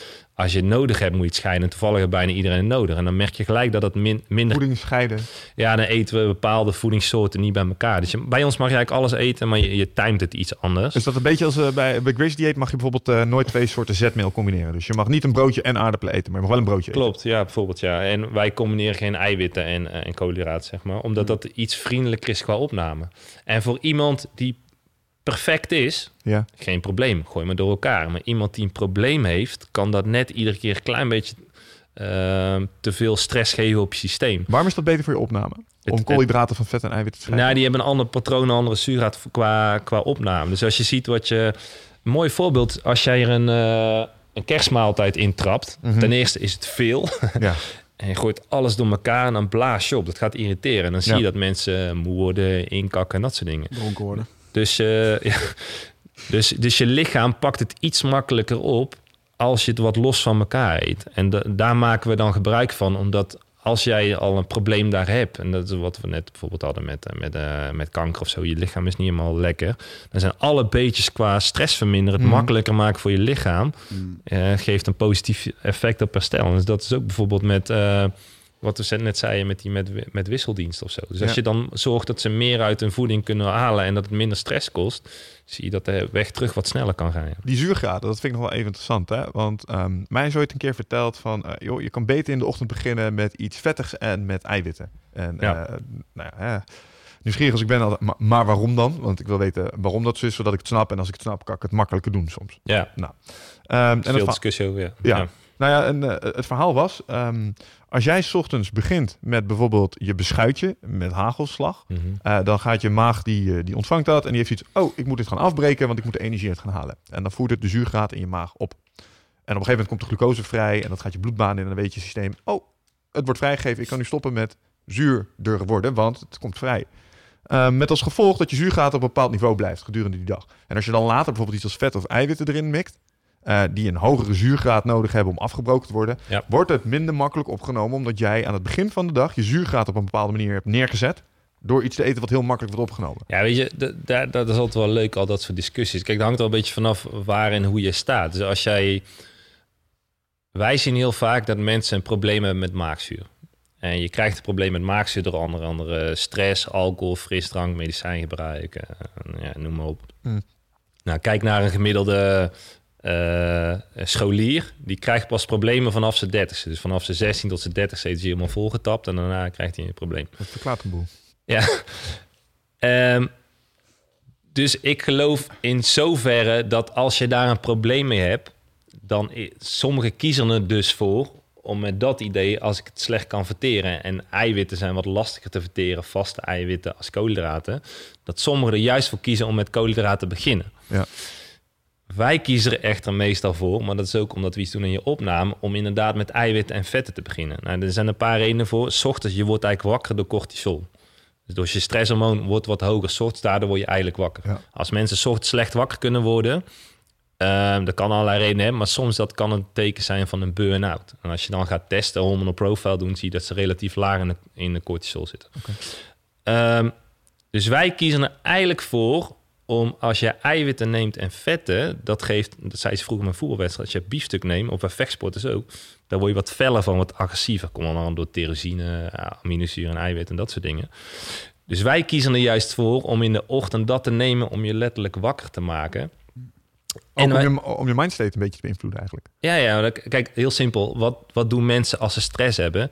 Of bij politie dit ook veel. Dan trap ik even, ik wil zoetigheid. Weet je Ja. wel, ik wil zoetigheid. Want trapt je insulinespiegel omhoog. Daarna word je ook een beetje, of geeft je wat energie. Maar het geeft ook, maakt ook serotonine aan je gelukshormoon. Want ik voel me een beetje shit en ik trap er wat in. Wij kiezen juist ook eigenlijk bijna altijd voor eiwitten om je wakker te maken. Maar s ochtends vroeg is je maagzuur het ook. Is je maag vrij actief. Tussen eh, 7 en 9. Dus qua ontbijt kiezen wij meestal daarvoor om je cortisol af te breken. Want als ik eh, die, die, die trend in principe gaat van natuur, dat kan ik door, door insuline te verhogen, dus koolhydraten erin. Of bijvoorbeeld de eiwitten erin te gooien. Dus wij kiezen bijna altijd voor om eiwitten in te gooien. Is, je kan er ook wel voor kiezen, wij doen het alleen maar nooit, om koolhydraten in te, in te gooien. En met name omdat eh, er is soort. Bij kinderen is een mooi voorbeeld, want kinderen die worden niet zo beïnvloed door de rest. Dus als je kinderen een eiwit- en vetrijk ontbijt geven, dan maken ze de rest van de dag betere keuzes en ze zijn stabieler in hun energieniveau. En dus wij kiezen meestal daarvoor om dat te doen. Er zijn mensen die kiezen voor koolhydraten. Ten eerste is dat heel makkelijk, want jij trapt er makkelijk even een cracker in en dan kan je in de, in de run doen. Yep. Dus dat je bijvoorbeeld even een ei bakt of wat dan ook. Dus, Ja, dus- gemak. ja, dus we zien ook vaak dat mensen doen voor gemak. En er zijn wat redenen voor en tegen. En ja, wij kiezen eigenlijk bijna altijd voor eiwitten. Maar dat, dat kan je ook pas doen als je opname weer goed is. En wat zeggen mensen? Als ik dat neem, eiwitten, dan werkt het niet zo lekker. Nee, dat snap ik. Maar dat betekent niet dat eiwitten slecht zijn. Betekent dat je een probleem met je opname. Als ik je opname fix. Dan Ja, hoe kun je je opname fixen? Eh, meestal het begin is kouwen. Want eh, logisch. ja, ja, en een van de redenen bijvoorbeeld dat wij zo geen, geen, geen water of geen drinken bij je eten. Ik ben zelf ook zo, dan kou je twee keer. En dan spoel ik hem wel weg, slik hem door. Ja, ja, ja. ja. Dus kouwen begint eigenlijk bij optimaal maagzuur. Nou, dat zie je dat heel vaak, vaak minder wordt. Ehm, en daarna de rest erachter. Dus je optimale darmen, darmflora moet goed zijn. Dus eh, eh, gezonde bacteriën en dat soort dingen. Kan je darmflora, dat heb ik volgens mij van iemand gehoord, die, ik weet niet of die bij jullie traint, maar die vertelde dat hij een beetje de boel aan het resetten was door tien dagen lang groente te eten. Groente en vlees of zo, volgens mij. Omdat Ja, die vezels die zouden ervoor zorgen dat je eh, darmstelsel opnieuw geactiveerd werd. Nou ja, ja. We hebben verschillende redenen waarom we dat doen. Kijk, daarom houden wij nooit protocollen. Want iedereen hoort een keer wat en gaan ze het allemaal doen. Ja. Ehm, wat je eigenlijk, maar dat is, dat, dat is niet tien dagen lang, er zit een periode in, is dat je eh, het lichaam even minder eiwitten gaat nemen. Maar dan geven we wel aminozuren, omdat het lichaam... Kijk, daarom verliezen mensen ook veel gewicht met vasten of met, met sappies. Mm. Is het lichaam heeft om te detoxen eiwitten, vitamine, mineralen nodig. Nou, dan met vasten trappen ze, of met sappies trappen ze meestal geen eiwit in. Dus dan gaat je lichaam eh, eiwitten zoeken nou, uit je spieren om af te breken en verlies je inderdaad heel veel gewicht. Maar Eh, spiermassa met name. Niet, niet ja. eens zo nodig vetpercentage. nou ja, kijk maar als je gaat meten. Ja. Kijk, als je het heel slim doet, maar dat gebeurt niet zo vaak. Als je het heel slim doet, mag je eigenlijk geen spiermassa verliezen. Dus dat is een van de redenen bij die tien dagen dat we ook echt twee keer per dag lopen te trainen. Ja.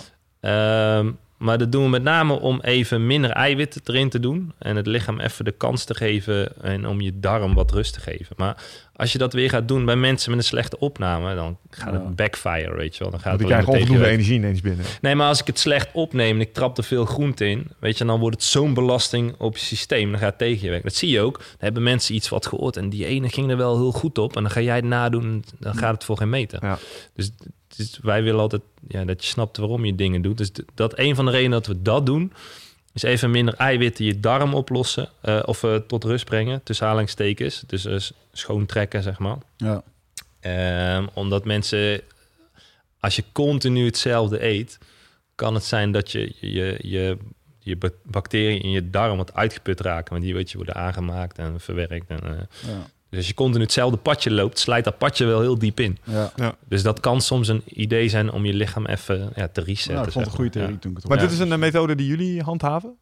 Of zo af en toe inzetten, We, we, situationeel? hebben, ja, we hebben heel veel methodes. Ja, want daar heb ik, nog, daar heb ik ook nog wel een, eh, een paar vragen over. Jullie hebben een aantal eh, eh, dingen die jullie doen. En een van de dingen die mij even bijbleef, en dat is met name omdat ik nu in de top A zit en top B komt eraan. Ik zat naar Oh, te kijken naar jullie, naar jullie IGF, ehm, eh, zeg maar, eh, protocol, behandeling, hoe je het noemen wil. En daar zag ik eh, iets gebeuren. Er staan twee dudes, die staan naast de gast die een heel groot stuk gewicht vasthoudt. En die wordt echt tot aan zijn max, moet hij er doorheen. Die moet echt eh, maximaal effort moet hij geven. En hij wordt over, overeind geholpen. En dan moet hij naar beneden. En als ze klaar zijn, ligt hij daar even. En vindt hij het volgens mij wel mooi geweest. Ik snap niet wat je nu uitlegt. Volgens mij de luisteraars ook echt helemaal niet. Nou, er wordt iemand echt over Wat- de wat- kling wat gejaagd, is- zeg maar. wat- Misschien... Wat, is ook dat? ITGF of wat je Ja, dat is de vraag. Wat, wat, wat zijn jullie aan het doen? Ja, dat heet insulin growth factor en je hebt fibroblast growth factor. zijn een paar hormonen die, die veel invloed hebben, onder andere ook op hypertrofie, Ja. maar ook op de, de dikheid van je bindweefsel. En ehm, dat hormoon komt met name vrij onder lactaat en stretch en een excentrische contractie. Eh, dus excentrisch is, is een spier spontaan en het wordt langer. Ja. Dus je doet een, eh, eh, het is het zakken bij een squat bijvoorbeeld. Ja. Het idee bij die training is, en daarom zeggen we altijd... wij zijn een van de weinige opleidingen waar je alles mag filmen en opnemen en dat soort dingen. Omdat wij willen, wij gaan voor kwaliteit en mensen willen het nog nalezen. Want je hebt gemerkt, we vertellen echt heel veel. Dus bij ons mag het allemaal. We zeggen alleen, je mag het niet zomaar plaatsen. Want je kan dingen uit zijn context trekken. Ja. Iemand heeft nu een probleem te pakken, begrijp ik. Wat zei je? Nu ik dit zei. Wat zei? Iemand heeft nu een probleem te pakken. Omdat Nee, toch nee, maar, nee, maar er, mag wel een voorbeeldje op, weet je Ik wel. wou het zeggen, ja, ja, ja. nee. Alleen je, je moet in de goede context plaatsen. Want als je dat bij een gemiddelde... Daar hadden we het straks over. Je kan niet gelijk... Ik ga nu met jullie stoeien als helemaal niks. En dan gaan op eh, niveau stoeien. Dat is de grote gap. Ik ben niet klaar voor om met jullie te stoeien. Ik noem maar Ja. wat, hè. Eh, dat is met IGF-training ook. Dus daar, daar hoort wel een heel plan voor voordat je dat gaat doen. En dat doe je op momenten dat mensen bijvoorbeeld... ehm, een sterke bindweefsel willen hebben of een plateau zitten qua training. Dus jij wordt niet sterker. Dan moet ik je systeem een keer prikkelen. En Ja. wij zeggen ook, ja, ik hoor het jou zeggen over de kling helpen. En dat doen wij ook. Dus we geven het lichaam even een prikkel waar hij niet gewend is. En daar hoort bij dat je eh, tot excentrisch falen moet. Dus dat betekent, normaal stop je met bankdruk. Hè, van eh, ik kom niet meer omhoog. Ja, dan helpt iemand me even omhoog. Dan gaan we iets verder. En soms zie je nog dat, dat je buddy achter je nog een paar keer helpt met tillen. Het doel onder andere bij IGF-training is een stretch, lactaat en excentrische contractie. Is dat jij overload genereert in het excentrisch systeem. Dus normaal kan jij, als je echt moe bent, dan kan je niet meer omhoog, kan je hem nog wel stilhouden. En als je dan nog vermoeider raakt, dan kan je hem nog heel langzaam remmen. Ja. En we gaan eigenlijk tot het punt dat je eigenlijk al niet meer kan remmen. Want wat is je excentrisch systeem? Dus een spier wordt langer Ja. terwijl je hem aanspant. Ja, check. Dus eh, ik heb een gewicht in mijn nek. Ik zak naar beneden. Dat betekent eigenlijk zak ik niet. Ik, ik werk tegen weerstand in. Dus ik span wel aan. Maar als ik niet aanspan, dan lig ik op de grond. Hè? Mhm. Dus een spier wordt langer terwijl die aanspant. Nou, dat is een, een, een goede prikkel om... ehm, want IGF wordt onder andere ook lokaal gemaakt. Dus bij, bij je, eh, de spier die je prikkelt uiteinde om daar dat vrij te zetten. Dus wij gebruiken het met name met revalidatie. Bij Defensie heel gedaan met Achillespeesklachten, kniepleesklachten en dat soort dingen. Dan zie je dat je een, een, een verdikking krijgt van, eh, van bindweefsel. Dat je sneller trainbaar bent om terug te komen voor plateaus. Dus wat we daar en, dus... en hoe vaak moet je dit daar- daarvoor doen? Of is dat na één keer? Ja, ja, dat is een beetje nat vingerwerk. Maar wij doen meestal de training die, die wij zagen dat genoeg was, is eh, in mijn revalidatie deed ik hem zes keer in twee weken. Dus je komt echt de, de tweede tussen twee dagen of 48 uur tussen. Je komt echt aanlopen en je denkt, man, dat gaat hem echt nooit worden. En dat zeggen we ook tijdens de opleiding, weet je wel. Laat je verbazen, want jij wil niet trainen en je denkt dat niet kan. Op het moment dat je gaat trainen, zijn de meeste 5 tot 10 procent sterker. Terwijl ze amper... eh, het het is echt heel moeilijk binnenkomen lopen. Maar eenmaal als ze gaan bewegen, wordt beter. Meestal na zes trainingen, dan zijn ze op, op dat deel geadapteerd, zeg maar. En dan kan je ze gaan verder trainen.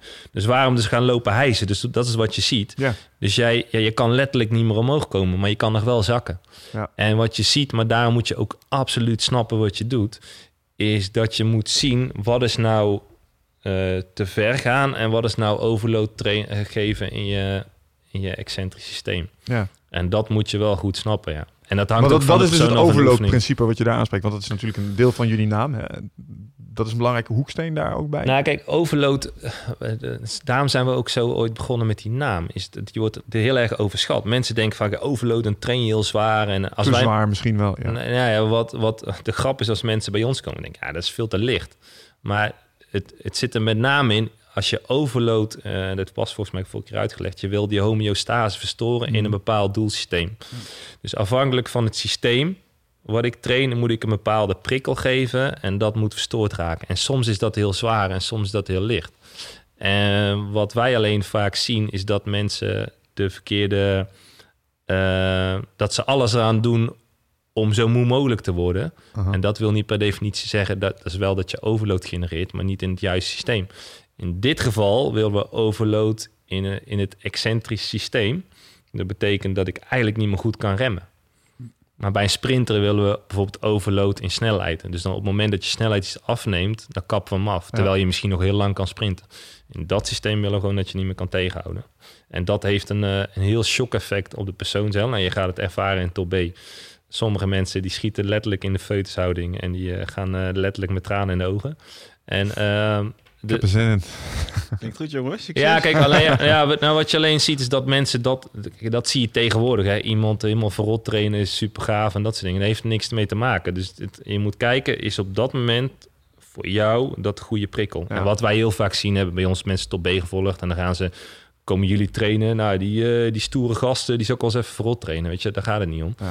Het gaat erom, heb jij eh, die prikkel nodig? En dan zie je ook dat... maar het lijkt wel een onderdeel te zijn over jullie eh, opleidingen heen. Want een van de dingen die ook op jullie website is van... Yo, leuk, een heleboel personal trainers, maar zijn voor 80% zelf ook out of shape. Ja. Het lijkt er wel op alsof jullie een bepaalde norm hanteren als het gaat om fitheid. En als je geen 100% effort kan trainen, dan... Nee, nee, nee, nee, dat is ook weer zo'n misvatting. Kijk, je... je Niet een klein beetje geïnspireerd door Defensie? Nee, nee, nee, maar we, we hebben wel, wel... Tuurlijk, ja, inspiratie, ja, maar dat moet je niet verkeerd opvatten. Is dat als jij zegt, ik wil beter worden in dat... Hmm. dan hebben wij daar een bepaalde training voor. En als jij dat niet wil doen, oké, dan moet je dat niet vragen, zeg maar. Ja. Overdreven, hè? Dus als jij, dat wij denken dat je dat zou moeten doen, dan moet je dat doen. En dat klinkt soms heel duidelijk. Maar ja, duidelijk, ik, ik vind het fijn als iemand heel duidelijk tegen me zegt, nou, weet je, dat wil ik niet. En ehm, dat, dat inderdaad, inspiratie, ja, dat komt misschien wel van, van Defensie. Maar eh, het is een, ehm, is een misvatting dat, dat je bij ons heel fysiek in shape moet zijn. Het, het, het- wa- wa- wat ook het mooie is, en het zeg ook, als jij komt met een, een blessure of helemaal out of shape, dat is perfect, want in onze opleidingen zitten alle soorten mensen. Maar dat zijn ook toevallig jouw klanten. Want de klanten die jou krijgt, is ook een heel divers publiek. Ja. En het mooie is, als er zo'n brede groep in zit, krijg je ook gelijk de perfecte inzichten die je ook in de praktijk krijgt. En dat, wij geloven niet in. ehm, ik zag pas alleen een mooi voorbeeld. Wij, wij leren geen concept. Concept is leuk en je zit achter je achter de leraar. En ja, is allemaal leuk. En dan ga je erover nadenken. En eh, nou, interessant en dat soort dingen. Wij geloven echt in een programma wat je moet volgen. Dus iedereen moet bij ons ook het volgen. Je krijgt niet een certificaat omdat je aanwezig bent of dat je 20 jaar ervaring hebt.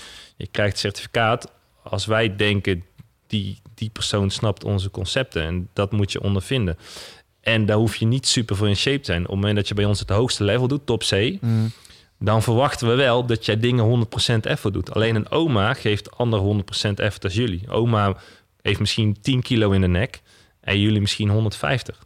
En dat is voor iedere, ieder persoon willen wij dat die eh, hun maximale eruit haalt op dat moment met dat doel. En dat heeft niks te maken met gewicht of eh, weet ik veel wat. Het heeft te maken van meer prikkel jij jouw, eh, jouw systeem, verstoor Ja, ja. jouw homeostase. Maar je hebt natuurlijk wel in je kettlebell instructeurs, heb je bijvoorbeeld je snatch test zitten.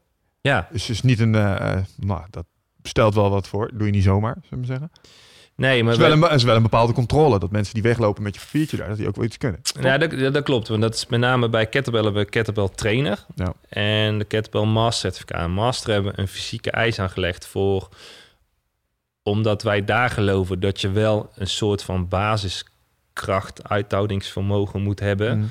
Om mensen goed te kunnen begeleiden. Dat is niet altijd eh, noodzakelijk voor de gemiddelde fysiotherapeut bijvoorbeeld. Die Ja. zegt van ja, ik heb helemaal geen zin in trainen, ik wil toch mijn klant goed kunnen begeleiden. Wij denken wel voor de gemiddelde fysieke trainer. Dat je wel een. Kijk, als ik achter jou moet staan, stel jij kan 200 kilo squat of zo, Mhm. en ik maar 10. Dan Ga je niet af- veel hulp bieden op het moment dat je aan het spotten bent? Nee, dan moet ik even afvragen hoe dat werkt. Dus je, je hebt altijd wel een soort van fysiek iets. Maar we hebben daar niet, behalve bij eh, de master, geen harde eis op. Nee, Oké. Want, is eh, ook niet nodig, moet ik zeggen. Nee. Want eh, die kettlebell-instructeur, dat vind ik dan wel even leuk om het nog even iets specifieker over kettlebells te hebben. Het lijkt erop dat jullie wel, ehm, als het gaat om de principes en methodes die jullie hanteren, het is niet vaak een beetje onorthodox of niet standaard. Want kettlebells kennen, nou ja, inmiddels is de populariteit wel toegenomen, maar ik moet vaak nog uitleggen wat een kettlebell is. Ja. Hoe kwamen jullie zo bij om, om bijvoorbeeld dat als traininginstrument eh, over te halen? Nou, het was al 2005, denk ik, of zo, dat wij mee begonnen. Of zo. Ja.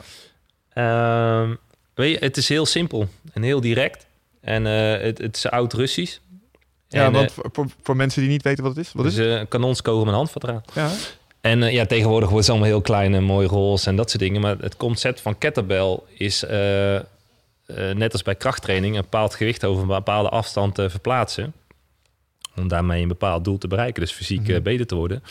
En eh, alleen je ziet nu door de commercie dat het natuurlijk helemaal weer eh, uit elkaar getrokken wordt en Ja. misbruikt wordt en dat soort dingen. Maar Nou, wat je, wat je zegt over die kleine kettlebells, dat eh, herken ik. Want dan krijg je foto's van, oh, deze lag bij de Aldi. En dat was dan zo'n schattig Ja. kettlebelletje van 5 kilo of iets dergelijks. ja, Waarbij de meeste mensen denken, ja, maar je moet toch licht beginnen. En dat was wel even een inzicht die ik daar ook mee kreeg eh, bij jullie. Want jullie zeggen, joh, eh, getrainde man 16 kilo, of nee, ongetrainde man 16 kilo, getraind Nee. 24. getraind, getraind 24, ongetraind 20. Ongetraind, Maar ja. dat is weer een nuanceverschil op de basisoefening. Maar de kracht van kettlebells in een bepaalde basisoefeningen. ja, Dus maar de- juist omdat het gewicht zeg maar ertoe doet. Want hoe zwaarder het wordt, hoe Klopt. een stukje veiliger het soms ook is. En dat is misschien niet helemaal intuïtief. Nee, nee, eh, daarom zeggen we al de motivation through education. Ik moet je goed kunnen uitleggen waarom ik dingen doe. En ik Mhm. moet met name goed het lichaam snappen. En dat is wat wij natuurlijk, waar, waarmee we begonnen eigenlijk. En fysiotherapie goed leren. Wat doet het lichaam? En dat moet ik vertalen naar praktijk. Dus wat je met kettlebell training doet, met name de basisoefeningen, Ja. is met name veel benen gebruiken. En je benen zijn absoluut heel sterk, ook bij een get- ongetraind iemand. Dus als je die een te lichte bal geeft, moet je je afvragen of je de goede trainingsprikkel krijgt. En dat zijn de mensen die zeggen, man, ik hoorde die persoon goed resultaat en ik train met zo'n balletje Ja. en ik heb geen resultaat. Dus het, het zit hem vaak in de kennis. Het ontbreekt aan kennis Oké. om er goed mee eh, om te gaan. Ja. En zo hebben jullie naast eh kettlebells hebben jullie eh, nog een trainingsmethode waar ik zelf ook een keer aan onderhevig heb mogen zijn. Oh. Power Sleds. Ja. En die werd geïntroduceerd door nou, onze inmiddels wel bekende Noël met de vraag: ben je een kotsertje? Nou, toen, wist ik alweer hoe laat het was. Toen kwam hij met een mooie gele emmer aan waar streepjes op stonden. Zo van, ja, die ga je zo nodig hebben. En toen heeft hij me een tabata laten doen met, een, eh, eh, met zo'n power sled voor op straat. En dat is gewoon echt een soort ja, groot strijkijzer. En dan kan je gewichten opladen en dan moet je 30 Echt seconden slee, moet je dat ja. ding vooruit douwen. En dan heb je 10 seconden rust en dan mag je het nog een keer doen. ja. En het, nou ja, ik, ik, blijkbaar was ik dus een kotsertje. Want ik Ja? mocht een streepje zetten uiteindelijk. Ja. Wat is dat voor een ding en wat doet het allemaal voor je? Ja, slee is echt wel, echt wel een, een eh, mooi, uniek, simpel ding weer. Net als de kettlebell, een, een, een simpel concept. Je, je hebt een slee, net als als je kinderen voortrekt op een slee. Zo'n, voor de mensen die er nog nooit eh, van gehoord hebben, dat Hmm. zo'n ding is het. Alleen je tast er gewicht op. En je gaat daar, eh, dat ga je voortbewegen, zeg Ja. maar. Het voordeel van de slee is, daarom zei je nog Geen wel... wieltjes onder, hè? Gewoon Nee. staat op ijzer. Ja. Ben je een kotsertje, omdat je heel snel veel verstoort. En ja, trainen is verstoren van je lichaam. Maar alleen dat je kotst wil niet zeggen dat je goed getraind hebt op zich. Maar ehm, het gaat erom afhankelijk van je doel, ja, wat je gaat verstoren. Maar het voordeel van een slee is, en dat is ook gelijk het nadeel, dat je alleen maar een concentrische contractie hebt. Dus een contractie waarbij de spier korter wordt. Dus Ja. een- met squatten, ik kom omhoog, met bankdruk, ik duw omhoog. En op het moment dat ik geen kracht zet, zet die slee ook geen kracht. Dus dat is gelijk het voordeel. Als ik stilsta, doet die slee niks. Ja. Als ik met een halter in mijn nek sta en ik doe niks, dan stort ik naar de grond. Nou, dat is het voordeel van de slee. Daar heb ik lelijke films van gezien van mensen die eh, Ja, dat het niet goed ging met squatten. en, Nee, eh, nee. Kun je nalanden. Dat is vooral na de krachtuitspatting dat ze dan in één keer eh, het eh, licht uit hun ogen eh, verdwijnen. ja dan Dat hebben ze wat druk eh, en dan in één keer valt druk weg. Ja. En dan eh, ja, Ja. ja. valt... eh, Maar zo'n slee is in dat opzicht dus veiliger, zeg je. Ja, nou, het voordeel van een slee is dat je het... ehm, en en de grap is, mensen denken vaak... dat is een hele stoere training... vooral als je het zo hoort, ik ga kotsen. Wij vinden een van de meest ideale trainingstools voor bejaarden. Het voordeel van een bejaarde is... op het moment dat zij niks doen... dan doet die slee ook niks. Met een squat is dat wel anders. Ja. Nou, het, het voordeel is... dan zeggen mensen... ja, moet je niet gaan squatten met een ouderen. Wij doen het soms wel afhankelijk van het doel. Want dan hangt er even van wat van die persoon gebruiken. Dan zou je dumbbells in de hand kunnen geven. Maar het nadeel van dumbbells is dat ze die moeten vasthouden. En meestal missen ze de kracht in hun hand. Ja. En ze zijn vaak te stijf. Dus het voordeel met een slee is... ik kan een, een, een bejaarde iemand een, eh, een, een heupband omgeven... en dan kunnen ze met de heupen kracht zetten. En op het moment dat ze moe zijn... dan krijgen ze niet die slee achter zich aan of wat dan ook. Ja. Dus het voordeel van een slee is dat je heel makkelijk, heel veilig... eh, ouderen kan trainen... maar ook eh, snelheidstraining kan doen voor topsporters. Maar het is met name een van de beste fat burning tools. En dat heb je gemerkt, want een, een, een constante concentrische contractie. Dus wat heb je gemerkt? Dat verstoort enorm veel. Je benen lopen vol. Ja. Je hartslag gaat eh, door het plafond. Door je en je, eh, ja, en je, je ademt als een malle. Mhm. Dus het, het verstoort vrij veel. Alleen je herstelt er sneller van als van een echte krachttraining. Dus je kan in een korte tijd veel doen. Wij noemen het voor de grap altijd Pamela Anderson schema. Als je te veel tijd hebt, maar één doel, er leuk uitzien op het strand en te veel geld. Ja. Want dan kan je binnen, en dat heeft onder andere een beetje te maken met 10 dagen programma, afhankelijk hoe het gaat. Dan noemen we krachttraining en sleeptraining. En dan kan je een paar keer op een dag trainen zonder dat je zelf overtraint. Waar we het straks over hadden met die... ehm, Oh. dus je kan vrij snel, als je te veel... Maar dan moet ook een, een supplementenschema, want je put je lichaam best wel uit en je moet snel herstellen. Dan kan je vrij snel in shape komen met een slee. Hm. En eh, dat is een van de mooie dingen van de slee. Maar het is ook niet heilig, want in revalidatie is het leuk, maar het is maar een deel van de revalidatie. Van zo'n slee krijg je ook geen spierpijn, klopt dat? Ja, minder. Minder. Bijna niet. Leugens. Maar ja, Leugens. daarom. Ja, daarom ja. Goed. Als je heel slecht in shape bent, zijn Michel Ja, wel leuk. dat is het gewoon zwak. Ik zat, ik zat toevallig een topsporter die naar, die naar een, eh, volgens mij naar een wedstrijd aan het eh, eh, werken was. En eh, die nog wel zo'n sleetraining redelijk vlak voor die wedstrijd deed. Omdat Ja. hij daar gewoon minder, eh, eh, minder spierpijn dan over hield, zo denk ik dan. Nou, weet je wat een mooi concept is? Er wordt heel vaak gezegd, je moet eh, voor een wedstrijd stoppen met trainen. Maar, en dat werkt ook vaak, maar dat zeggen wij, dat zijn voor de mensen die overtraind zijn. Dan kunnen jullie het herkennen. Zijn jullie op eh, maandag sterker als op vrijdag? Ah. jullie natuurlijk niet, je hebt al veel podcasts geluisterd. Mm. Maar heel veel mensen zeggen, oh, na vakantie ben ik goed uitgerust. Zo partij sterk, niet normaal. Ja. Als je altijd overtraind bent en je moet een wedstrijd gaan doen... dan zou ik inderdaad misschien van tevoren moeten stoppen. Maar als jij weet, en dat is een van de, de dingen die wij mensen leren... als ik super compenseer, dus herstel van mijn training... in principe moet je sterker worden van je training... Als je dat goed weet te timen en je weet van iedere 72 uur... na die training ben ik sterker kan je dat timen in je wedstrijd. En dat zou onder andere met sleep ook kunnen. Nou, het Ja. voordeel van de slee is dat je iets sneller herstelt afhankelijk van... als jij, ik noem wat je benen zou trainen met een sleef met een, met een barbel... zie je dat je van slee iets sneller herstelt. Ja. Dus je kan dat gebruiken en als je hem goed timet... wij trainen soms een avond van tevoren nog, met dat leten. Dus, ja, dus, dus je kan het echt super voor je Want gebruiken. dat heeft dus te maken met die verstoring die een bepaalde hormoonrespons tot gevolg heeft. En daardoor word je sterker binnen die twee dagen. En dan kun je volgende ja, training soms doen. binnen een dag. Ja. Kijk, afhankelijk van de prikkel en jouw lichaam, eh, we hebben het jullie bij Top A laten doen, geloof ik, is eh, dag 1 opdrukken, dag 2 liggen sommigen helemaal in de kreukels. Ja. En als ze gaan opdrukken, zijn ze sterker. Dus het is afhankelijk van, van jouw lichaam, jouw training. Jouw de, dus Ja. daarom zijn wij altijd heel erg eh keen op dingen opschrijven, bijhouden, weten wat er gebeurt. En als er dan iets verandert, kan je dat ook heel snel eh, tegenkomen. Dus als in één keer jij de verkeerde kant op gaat, kan je vrij snel analyseren waar dat waarschijnlijk Ja, is wat is de wijziging geweest die het Ja, veroorzaakt? ja, maar slepen is absoluut eh, ja, echt super gave tool. Ja. Ja, en het verzorgen met de spierpijn, daar heb ik dan ook nog wel een, een vraag over. Spieren, trainen met spierpijn. Ja, nee. Soms heb je, hè, dan moet je om de twee dagen eh, heb je je blok. Dus je hebt A, B, twee Ja. dagen rust. Dus soms zit je in eh, blok B en dan heb je A gehad en dan ben je nog helemaal lam van de spierpijn. Eh, sommige mensen zeggen gewoon doortrainen, andere mensen zeggen nee, je moet rusten. Pak een extra dagje. Ja, en wij Het hangt er weer vanaf. Ja. Ja. Nee, ja, en ik gaf net het voorbeeld. Daarom laten we het ook ervaren bij, bij Top A onder andere. Dag 1 doen mensen in een bepaald tempo opdrukken wat ze niet gewend zijn. Hmm. Dus dan merken ze in één keer van zo, eh, die paar zitjes opdrukken, lig ik, word ik moe van. Waarschijnlijk langzamer als dat ze gewend zijn. Ja, en iets vasthouden, minder smokkelen en dat Ja, soort ja, dingen. En Dan kom je in dag 2 terug en dan laten we het nog een keer doen. Heel veel mensen die spierpijn hebben, die merken wel dat ze meer herhalingen kunnen. Er zijn ook mensen die zijn even sterk en zijn mensen die zwakker. Nou, wat laten we altijd zien in die groep? Dat eigenlijk weet ik niet van tevoren, ik kan het ongeveer inschatten, wat voor jou belangrijk is. Want de ene reageert niet, andere eh, wordt slechter en andere wordt beter. Als we dat gaan onderzoeken, hebben we drie tegenstrijdige onderzoeken. Ja.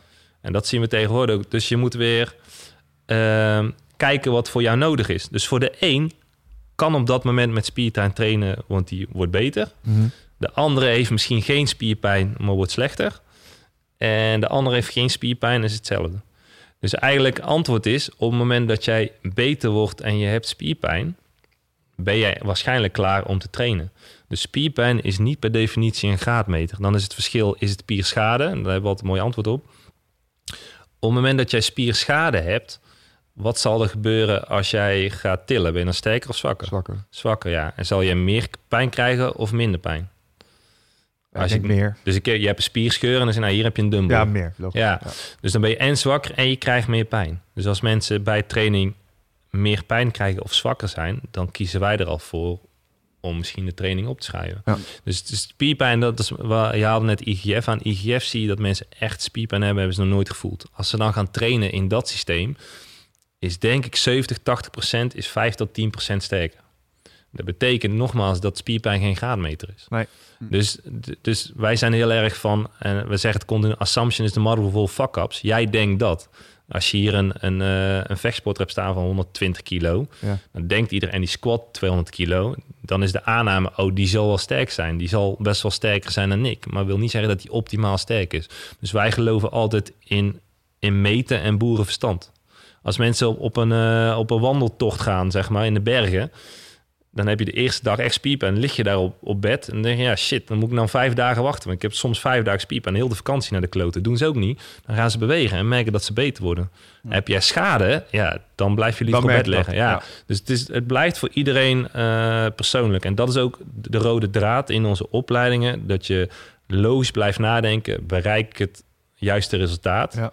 En het is heel openmijdend. Ja. Je had het net over graadmeters. Eh, en dan, eh, een van de graadmeters die mensen vaak hanteren om te kijken of ze succesvol zijn bij het sporten is gewicht. Eh, en, want eh, ik word zwaarder of ik val af. Met name als je met dames in aanraking komt, die gaan te vaak waarschijnlijk op de weegschaal gaan. En die hanteren dat als ehm, graadmeter voor hun succes in wat ze aan het doen zijn. Ik probeer nog wel eens de counter met te zeggen van ja, maar luister. In eerste instantie gaat er misschien wat vet af, maar er gaat ook spiermassa bij komen. Dus het zou maar zo kunnen zijn dat je zwaarder wordt. Ja. Hè, dat is ook zo'n fabeltje, dat zou ik graag eens een keer eh, uit de wereld helpen. Dat klopt. Gewicht wordt op een gegeven moment niet meer de juiste richtlijn. ja, dat verhaal zie je inderdaad nooit uit de wereld wordt geholpen. Maar Ja, je moet het proberen, ja, nee, kijk, eh, een kilo vet is ongeveer qua volume vier keer zo groot als een kilo spiermassa. En zo wat je heel vaak, wat wij heel vaak zien als mensen op schema zitten, vrouwen die, die vallen relatief niet af Mm. op de weegschaal, maar zien er een stuk beter uit. Dus bij vrouwen zie je vaak dat kledingmaten werkt heel goed. Ja. En eh, dus ja, het belangrijkste is weer educatie. En het belangrijk, ik denk, en dat tegenwoordig zie je dat wel veel, dus wel goed, is dat je foto's maakt, weet je, mensen confronteren van dit is Ja, ja precies. Voorkant, ja. zijkant, achterkant. Ja. En kijk, en kijk naar wat het over zes weken doet. Want je ziet het op een gegeven moment echt niet meer aan jezelf. En wij noemen het echt skinny. Bij vrouwen is met name skinny fat, weet je. Je kan een vrouw hebben die ziet er slank mooi uit. En die met... eh tegenwoordig heb je natuurlijk altijd corrigerend ondergoed. en weet ik veel allemaal wat. Ziet er leuk uit. En daarom zeggen we altijd van... eh, De meeste mensen willen er beter uitzien op het strand. Ja. Maar zie je die op het strand... Dat is die slanke vriendin van die groep vriendinnen. Denk je, oeh, die, die heeft gewoon... Stiekem best dik. Ja, skinny fat, geen, geen tonus. Dus het, het gaat niet... Weet je, daarom... Dat is bij mannen makkelijk. Mannen boeit het gewicht niet. Zitten, hoe ziet het eruit? En eh, dus eigenlijk het beste is, eh, is je partner vragen, je collega, als het gaat om vrouwen dan. Ja. Maar, maar eh, gewicht is absoluut ja, wel, wel een indicatie of het eventueel je de goede kant op gaat. Oké. Ja. Weer een Boel encyclopedie kennis weer. Ja, mijn god. Zo, eh, Ik ben wel door mijn vragen heen eh, in dat opzicht. Want ik had een hele lijstje, maar je hebt ze weer eh, keurig allemaal eh ja, weten te helpen. Ehm, denk dat we daarmee ook wel eh, min of meer aan het eind eh, van, eh, eh, van deze podcast zijn gekomen. Ik kijk even met een schuine oog op de timer. We zitten ook weer op de 2 uur en 21 minuten. Time flies when you're having fun. Moeten we opschieten voordat de boel ontploft. Ja, dat denk ik ook. Voordat de harddisk weer vollopen. Dus ehm, Heeft alles wel aangestaan? ja, alles heeft aangestaan voor zover ik weet. Eh, Koen, ik wil jou ongelooflijk eh, bedanken voor, eh, eh, voor de tijd om hier te zijn en alle vragen weer te beantwoorden. Eh, voor mij weer een boel knowledge bombs in ieder geval. Ehm Wichert, Ja. ik weet niet of jij nog eh, dingen hebt. Ook dat eh, je die mij apart even ging bedanken. Ja, jij sowieso. Altijd leuk als jij er bent. Ja. Nee, Koen, eh, dank je wel dat je er was. En, eh, ja, we, we kunnen volgens mij nog een paar keer een podcastje gaan Ja. doen. Zo. En dat zal ook vast nog een keer gebeuren. Dus, eh, Leuk. voor je komst. Dankjewel voor je tijd. En eh, tot de volgende keer.